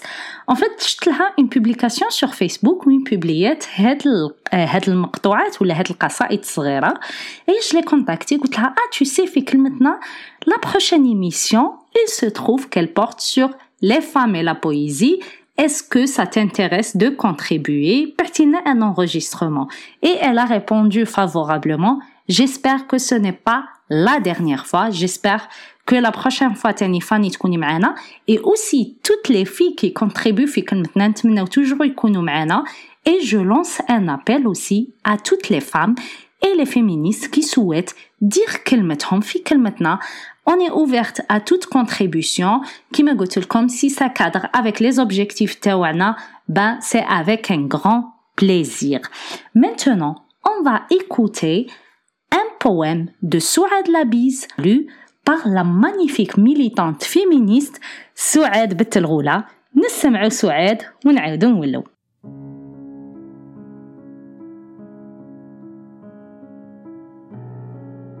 Poème de Souad Labis, paru dans Une échelle de poche pour atteindre le ciel.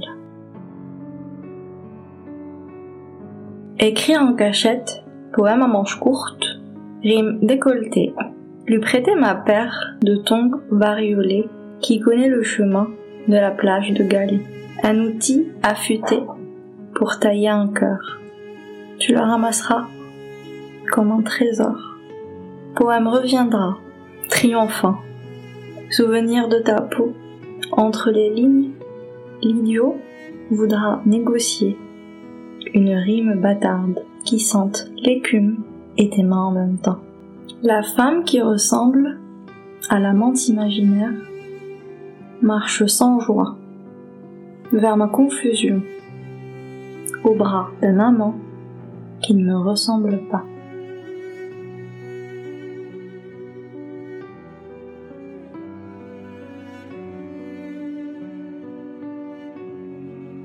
Poème de Soed Labis toujours, paru dans Brouillon amoureux.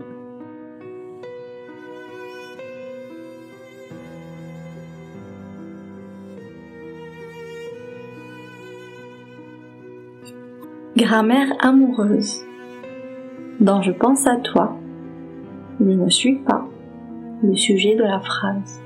Suffirait qu'elle tâte mon pouls quand Cécile balaye la poussière accumulée sur le seuil de mon cœur. Dans un monde parfait, les doigts d'une seule main devraient suffire à compter les jours sans tendresse. Comme une première fois, tu te réveilleras près de moi.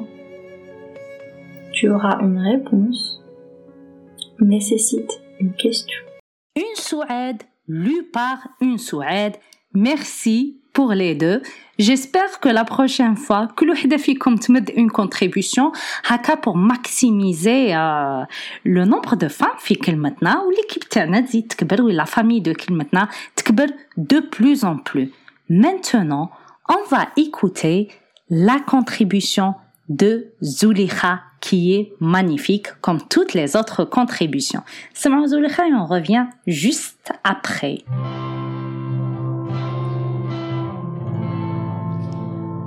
عيشة بلا بنا فراش بلا معنى. العياط كل ليلة لا مودة لا رحمة. هزلي راسي من جهتي قاسي هو سيد الشي ما نلغي ما نشكي. ولاه ولاه ضري نكفيت ورجع جسدي فشلت وعييت بكى في صلاتي. ولاه ولاه ضري نكفيت ورجع جسدي فشلت وعييت بكى في صلاتي. ولاه.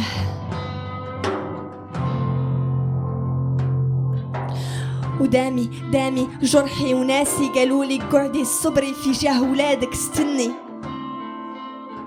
يتسقم سعدك. ودامي دامي جرحي وناسي قالولي قعدي صبري في جاه ولادك استني يتسقم سعدك. سعدي انساني هدلي سناني قلبي منه مرتاح ما فرح يهز لي راسي من جهتي قاسي وكي نجي نشكي يقول لي انتي اللي بغيتي. ولاه ولاه ضري نكفيت ورشا جسدي فشلت وعييت بكى في صلاتي. ولاه.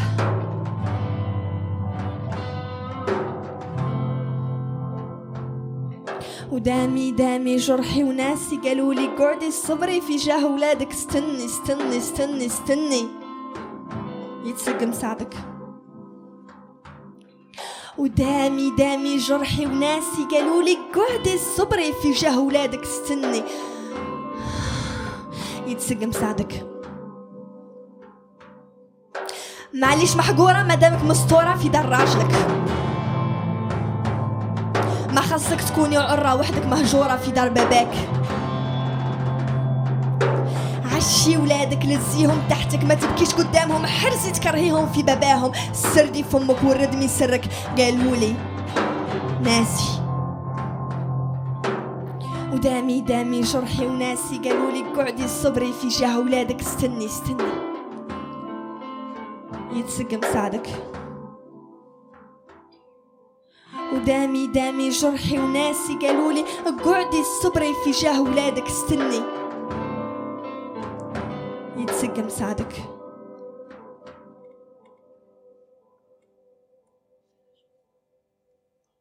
Merci beaucoup Zulikha. كنتوا تسمعوا في Zulikha toute fine avec son groupe Parabole. Le slam s'appelle Demi. N'hésitez pas à la suivre sur ses réseaux sociaux, notamment sur Instagram, qu'on publiera à la fin de l'émission avec la playlist. Restez branchés. Je vous laisse avec le poème que Wiem va nous lire. نسمعوا Wiem et on revient juste après. أنا حاملة حكاية وحكايات من بينهم حكاية الإنسانية أنا مرأة حرة قالوا بني آدم ونسى وبنت حواء كبرت على يد ليليث ويا ريت لي ماكلة التمرة تاع الحب والثورة. أنا أنا بنت القمرة. نحكي لها على حوالي وحوالها. هي حالها بيض وأنا حالي أحمر. كاين اللي خوفوه من الدمومات اللي يسيلوا كل شهر وما خافوش بيديهم يبعتوا شعبي للقبر. حتى في الفراق الأخر داروا حاجز بيناتنا. الحكاية قالت غير رجال يدفنوا. صرنا فيها وقعدت وعلينا نزعزعوا معتقداتنا. بت ليالي نتسائل. شحال من وحدة عايشة عذاب وخراب؟ شحال من وحدة تعاني على جال جهل المجهول اللي ما يفرقش بين المعدول وبين المقبول؟ أنا؟ أنا حاملة حكاية وحكايات من بينهم حكاية الإنسانية. قالوا لنا خلاص وقت الجاهلية. كانوا يدفنوا الطفلة كي تزيد وهي حية. يروحوا يقولوها الأميرة اللي حرقها راجل وهي حية. يروحوا يقولوها الأسمى اللي قتلها راجل ومدوله الحرية. يروحوا يقولوها الحنان لرزيقة الوردة الإيمان لرماس الكنزة والإكرام. أنا منعوج من كلمة أنا مدام يحاولوا يمحوها. أنا أنا حاملة حكاية وحكايات من بينهم حكاية الإنسانية. يا بنات علوا صوتكم يا ولو كان من بيتكم باش اللي بعدنا ما يتسألوش وين كان صوتنا. مع بعض اللي نكتبوا حكاية وحكايات اللي غيره شحال وشحال من حياة. مانيفيك وي ام يعطيك الصحة. ميرسي بوكو كيما قلتي غادي نكملوا ونحكيو حكاياتنا ونطالبوا بحقوقنا ونقولوا كلمتنا وكلماتنا. باسكو لو بوت تاني تاعنا سي اوسي دانسبيري دي فام اي دي في بور rejoindre لو كومبا فيمينيست اي اوسي باش نطالبوا بحقوقنا. والناس اللي راهي تحكي على الجزائر الجديدة نفكروهم. ليكيب تاع كلمتنا ال فو دي كو ما كاش جزائر جديدة بلا حقوق النساء ما كاش جزائر جديدة بلا مساواة.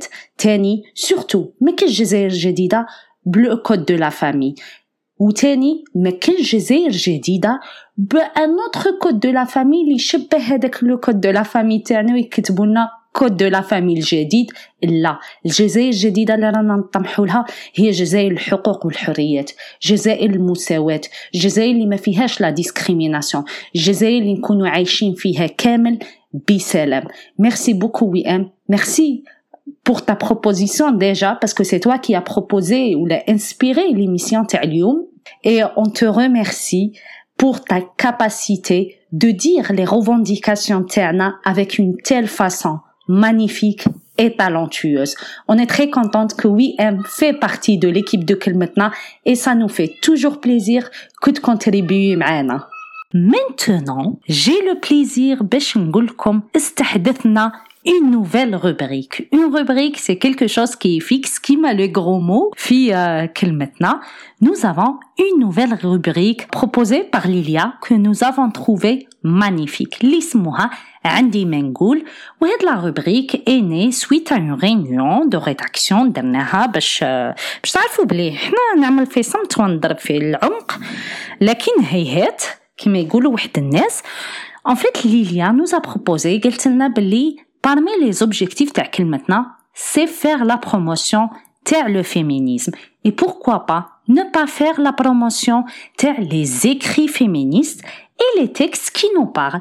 Du coup, avec sa magnifique voix, elle nous a sublimé un texte. نسمعوا ليليا ونعاودوا له. بونسوار بونسوار عليكم. جيسبر راكم حاضرين ناظرين وعلى راديو كلمتنا متحاضرين. جو سي هاد الخطرة طولت عليكم الغيبة وتوحشتكم بزاف. مي سيت فواسي جيت وعندي ما نقول لكم. اليوم جيت نحكي لكم على نجاة الهاشمي. نجاة الهاشمي est née en 1979 à Nador, au Maroc. Elle est diplômée en philologie arabe de l'Université de Barcelone. Auteur d'un essai Moi aussi je suis catalane, paru en 2004. Elle a remporté le prix Ramon Llull en 2008 pour le roman Le Dernier Patriarche et la révélation des lettres catalanes. Je vous propose aujourd'hui un de ses livres, Siempre han hablado por nostras en espagnol et l'origine en catalan Sempre han parlata per nosaltres, qui veut dire en français Ils ont toujours parlé à notre place, de l'éditorial édition 62. Elle a écrit cet essai pour souligner l'importance cruciale de parvenir l'égalité entre les sexes dans toutes les cultures et ethnies, et nous alerte sur le danger de subordonner le féminisme à d'autres causes. Un manifeste courageux est nécessaire. une dénonciation des multiples pièges et formes de discrimination dont souffrent les femmes. Alors je vous ai choisi le passage intitulé Si je dis féminisme de la page 9 à 11, traduit du catalan par Nelimen Behimwasi. Merci beaucoup Nelimen pour la traduction. Quand je dis féminisme, je dis liberté. Pas la liberté de choisir. Pas la liberté de consommer. Pas celle qui consiste à se présenter devant une étagère pleine d'options et choisir une quelconque. Quelle qu'elle soit, quoi qu'elle implique. Non. Quand je parle de féminisme, quand je dis liberté, je veux dire vivre sans être relégué au second plan, sans que mon existence, mon opinion, mon plaisir et ma douleur valent moins que l'existence, l'opinion, le plaisir et la douleur de mes frères hommes. Quand je dis liberté, je veux dire dignité. Je veux dire cesser de me sentir enfermé dans la cuisine, à la maison, dans la famille, dans la religion ou dans la tribu, pour me débarrasser des innombrables gages, des lois du silence et des règles ancestrales qui me limitent, qui rend mon existence infiniment plus limitée qu'elle ne pourrait l'être, qui me relègue encore et encore pour occuper une place sans valeur, sans importance. C'est pourquoi le féminisme, la liberté, ne sera jamais de choisir la soumission, la discrimination, un ordre naturel selon lequel je dois me résigner à être un substitut. Le féminisme ne consiste pas à s'adapter à une liberté contrôlée par les strictures de la société, de la culture ou de la religion d'appartenance, ni à céder aux prétextes invoqués lorsque j'élève la voix pour dénoncer, ou simplement mentionner la discrimination. Aujourd'hui, je dois renouveler la revendication de toujours, et non pas parce qu'elle a changé. Sinon,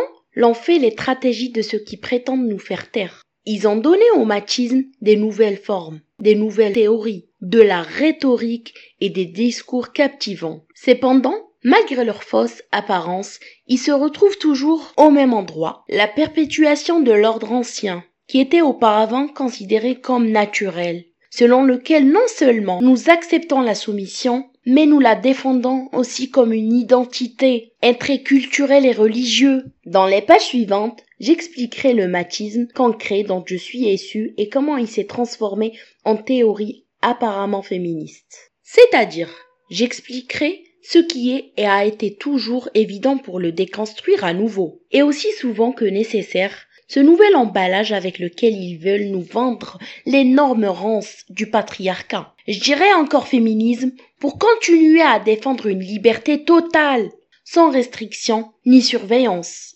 Nejet Heshmi, siempre han hablado por nostras.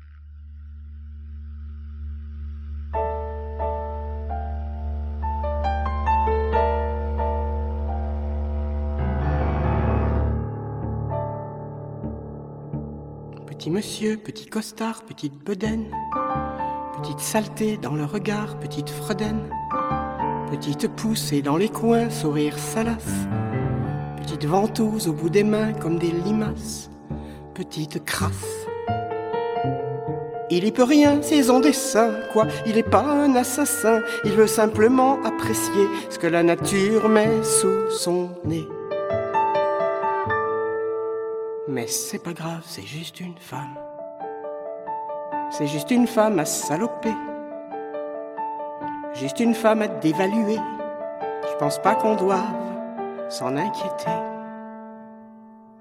C'est pas un drame, c'est juste une femme. Petit ami, petit patron, petite pointure. Petit pouvoir, petit chef haillon, petite ordure. Petit voisin, petit professeur, même baladeuse. Petit curé, petit docteur, parole visqueuse, entremetteuse.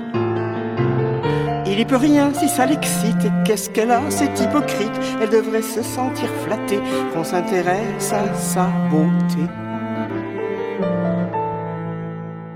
Mais c'est pas grave, c'est juste une femme. C'est juste une femme à humilier. Juste une femme à dilapider. Je pense pas qu'on doive s'en offusquer. C'est pas un drame, c'est juste une femme.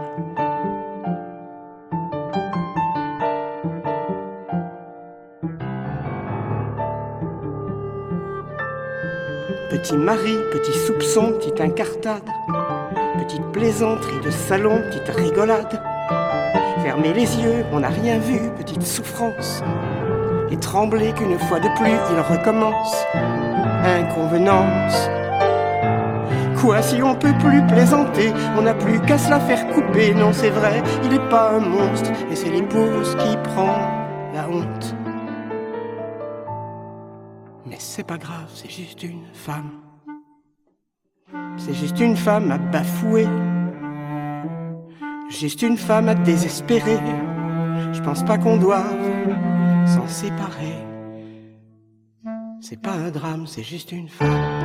Mais dès qu'une femme, messieurs, mesdames, est traitée comme un paillasson, et quelle que soit la façon, quelle que soit la femme, dites-vous qu'il y a mort d'âme.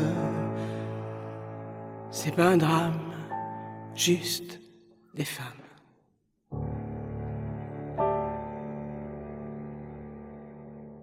Magnifique Lilia, on est contente par rapport au choix de texte et aussi par rapport à ta façon de sublimer le texte.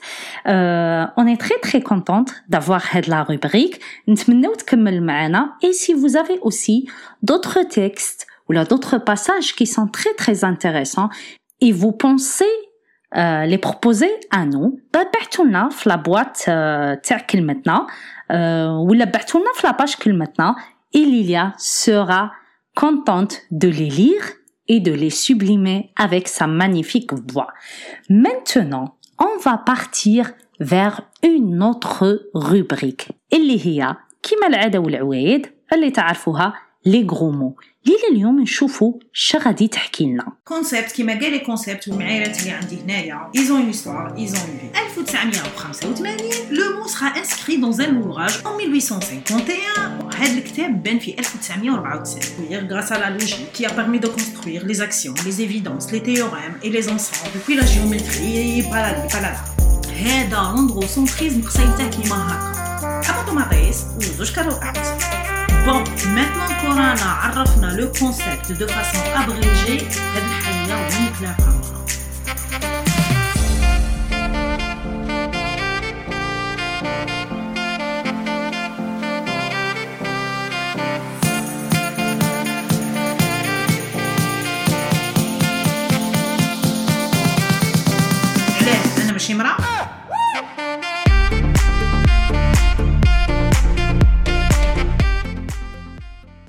مساء الخير عليكم حمر وجهكم سعدين من شير اوديتريس فاميوم دو راديو كلمتنا. اليوم غادي نشوفوا سي كوا لاليناسيون اون عرب الاستياب. مي فوز الي تروفي بلوزيور مو بالعربية. الاستغراب الامتلاك نقل الملكية. بغاف بالدرجة ما لقيت لهاش حاجة اللي كاع ما نبغيهاش tellement elle est présente partout وين نروح. On se connaît assez pour savoir qu'il y a toujours un passage au latin. Donc le mot aliénation nous vient du latin alienus qui signifie autre ou la étranger ou la éloigné. بالدارجة نسموه البراني. C'est initialement un terme qui a été employé souvent en droit et en finance, se référant à l'action de céder un bien. Le mot et le concept s'entremêlent pour créer un sacré foutoir. Il est utilisé en philosophie, en sociologie, en psychologie, en psychiatrie, en économie, pour ne citer que les disciplines. En fait, partout et à chaque usage, le concept HEDA prend un nouveau sens. Youpi youpi, on n'est pas avancé. Chez Marx, l'aliénation est la condition de l'individu qui ne possède ni son outil de travail ni sa production. Le travail n'est alors qu'un simple outil aux marchandises vendues qui détruit l'homme en détruisant son temps de vie. Selon lui, la compréhension de ce constat nous permettrait de s'affranchir du capitalisme. Je vais garder cette réflexion et je vais faire ce que je sais faire de mieux, sortir les choses de leur contexte et leur donner un autre, avec des mots qui me ressemblent. Alors, les premières traces du mot aliénation chez les femmes nous viennent de l'écrivain québécoise Michel Maillot, dans son livre Dis-moi que je vis. Sorti en 1946, Michel nous raconte l'histoire d'une femme Josée, dans la trentaine, mécontente de son mariage et en quête d'une raison d'être dans un monde qu'elle perçoit comme déshumanisé et machinisé. Dans ce livre, Josée, elle déconstruit avec nous les procédés de l'aliénation. Plus tard, des théoriciens féministes sont partis de cet ouvrage et de la théorie de Marx pour tenter de nous donner une définition qui s'inspire de l'histoire de leur corps et de leurs conditions pour donner à l'aliénation un sens qui convient aux femmes. Notez que le mot mbed, radis confie bzef le corps, c'est parce qu'il est dans un contexte où le corps des femmes est au centre de la réflexion féministe. Alors, El 1987, Colline nous propose la définition suivante.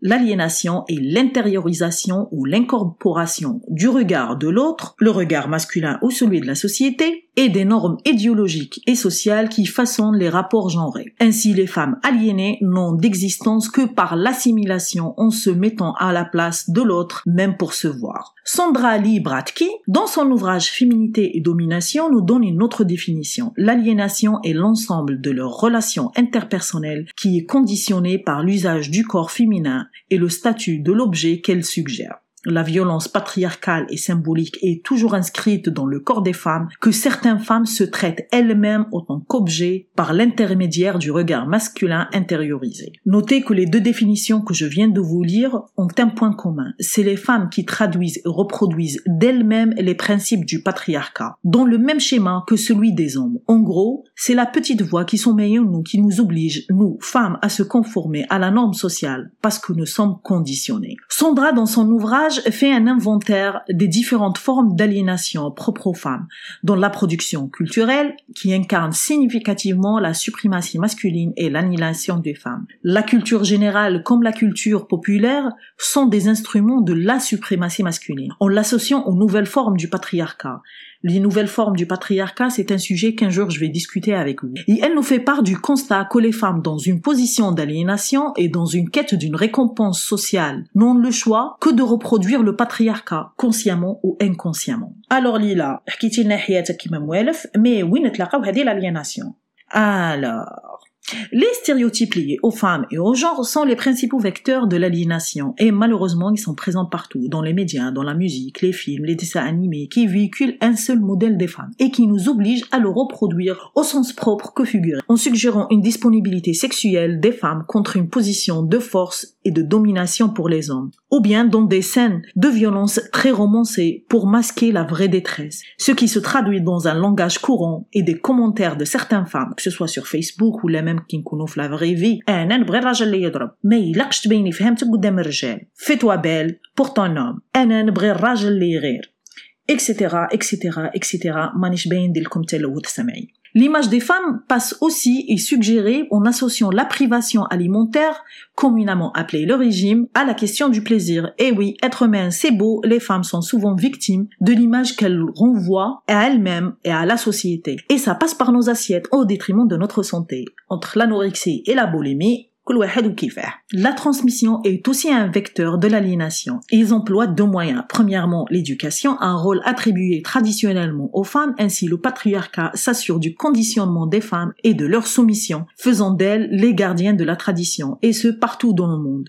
Je pourrais vous citer les femmes qui éduquent d'autres filles à faire des tâches ménagères dans l'objet d'être chatra, servir les hommes en premier et de leur accorder le premier choix. Deuxième, c'est la religion. Les femmes qui parlent de la violence contre les femmes en donnant des raisons à l'oppresseur. L'exemple le plus parlant, c'est les commentaires sur Facebook à chaque fois que des personnes dénoncent un cas de violence ou de féminicide. Et avec des textes religieux qui nous ont conditionnés, elles arrivent toujours à justifier la violence et à condamner les femmes au lieu de condamner les auteurs de la violence. Il y a quelques semaines, dans le cadre de la campagne Djilbab Martek, une gamine portant le djilbab est sortie pour nous faire la promotion du hijab et du djilbab. C'était un vrai réquisitoire contre les femmes non voilées, avec des paroles toutes reprises du discours du patriarcat. Le religieux, qui nous a dépossédés, nous les femmes, de la capacité de réfléchir, nous oblige à consommer la croyance sans forcément la remettre en cause, même si elle nuit aux femmes.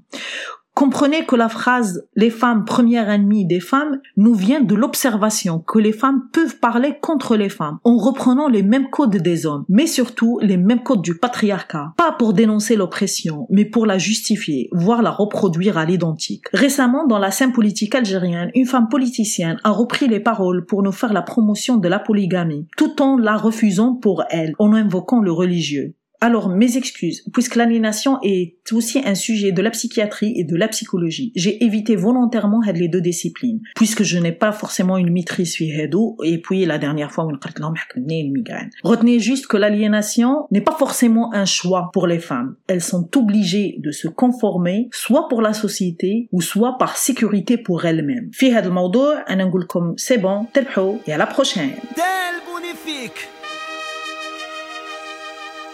وربي وكيلهم وهلا الله وربي وكيلهم وهلا الله وما عندي يزهر معاك. واه نبغي ربي يخلص.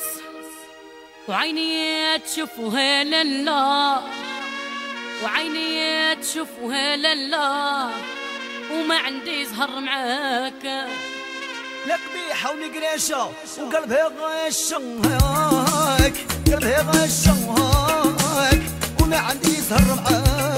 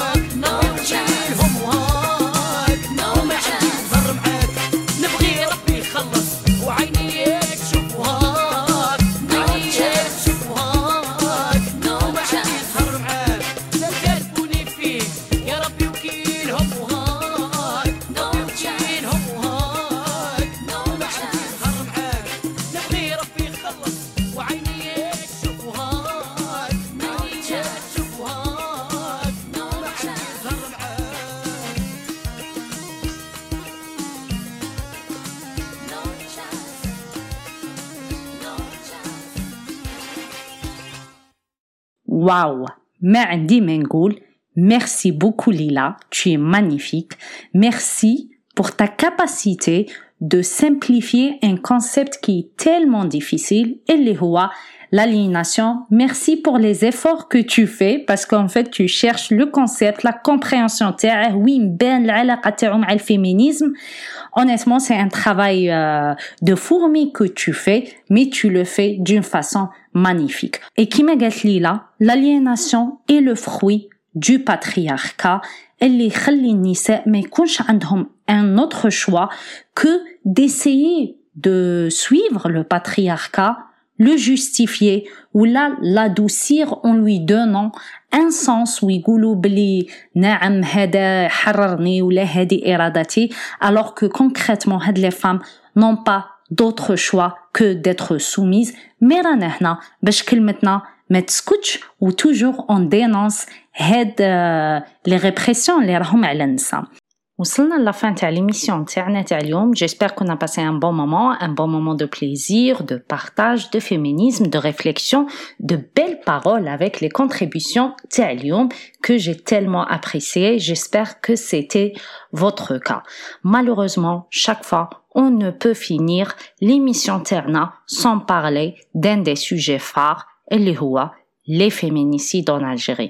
Nous déplorons toujours qu'il jusqu'à maintenant, il n'y a aucun dispositif étatique qui recense les féminicides en Algérie. C'est juste le fruit de travail de deux militantes féministes qui sont d'ailleurs euh, l'équipe Takel maintenant, Nelly Membehi ou M. Aures, que nous remercions vivement.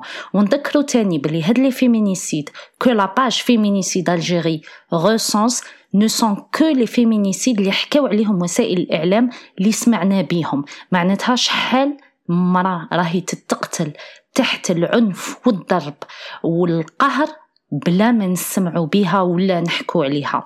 حاجة الأولى تضامننا المطلق مع كامل العائلة تاعهم وربي يرحمهم. حاجة زوجة جو سي با اون فات سي توجور لا بارتي أو جو بير لي مو جو نو تروف با كوا دير اونيتمون سي نعلق ما نعلق. جيسبر كي يورا بلو دو فيمينيسيد في هاد البلاد اي بارتو في لو موند اي ربي يرحمكم. نو فو دونون ان رونديفو ان ديمونش كوم شاك فوا on sait pas lequel ça sera sûrement un dimanche D'ici là, نقول لكم تلقاو ساعة الخير. Continuez votre combat pour l'égalité dans les droits et contre toute forme de discrimination à l'égard des femmes. بسلامة.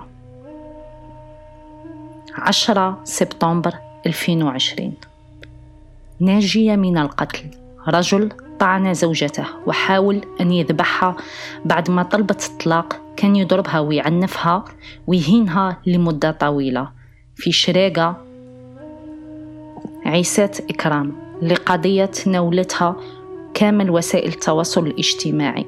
نشر بيان صحفي من طرف مجلس قضاء البليدة أين أشار أن وفاة إكرام طبيعية.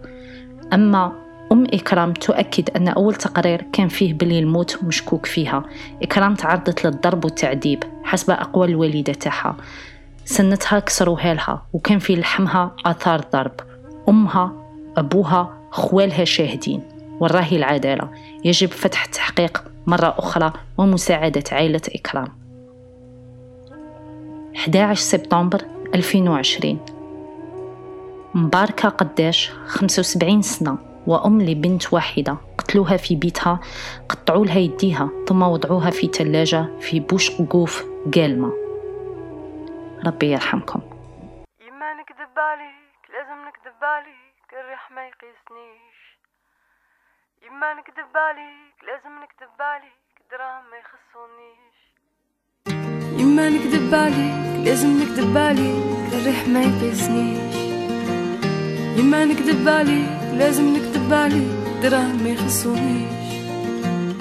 يما نكذب عليك لازم نكذب عليك دموع ما تعرفنيش. يما نكذب عليك لازم نكذب عليك. هنا كاين غير الباب ما يشوف فيك حتى واحد. حالة كشراني قاعدة وكشوالف تلقى الباردة. نكذب عليك لازم نكذب عليك الريح ما يقيسنيش. يما نكذب عليك لازم نكذب عليك دراهم ما يخصونيش. يما نكذب عليك لازم نكذب عليك برا ما يسبونيش. يما نكذب عليك لازم نكذب عليك يما نكذب عليك لازم نكذب عليك الريح ما يقيسنيش يما نكذب عليك لازم نكذب عليك دراهم ما يخصونيش يما نكذب عليك لازم نكذب عليك برا ما يسبونيش يما نكذب عليك لازم نكذب عليك يما توحشت الشمس حالتك كشراني شدها طير اللي عايش في القاص ما عنده حتى فايدة يما نكذب عليك لازم نكذب عليك الريح ما يقيسنيش يما نكذب عليك لازم دراهم ما يخصونيش يما نكذب عليك لازم نكذب عليك برا ما يسبونيش يما نكذب عليك لازم نكذب عليك. يما نكذب عليك لازم نكذب عليك الريح ما يما نكذب عليك لازم نكذب عليك ما يخصونيش ما يسبونيش يما نكذب عليك لازم نكذب عليك لو كان جات الأرض تمطر راهي منا تتبرر. الخير مسمى يدفع. كاين اللي باتوا في برا. عليك لازم نكذب عليك الريح ما يقيسنيش. يما نكذب عليك لازم نكذب عليك دراهم ما يخصونيش. يما نكذب عليك لازم نكذب عليك برا ما يسبونيش يما نكذب عليك لازم نكذب عليك يما نكذب عليك لازم نكذب عليك الريح ما يقيسنيش. يما نكذب عليك لازم نكذب عليك دراهم ما يخصونيش يما نكذب عليك لازم نكذب عليك برا ما يسبونيش يما نكذب عليك لازم نكذب عليك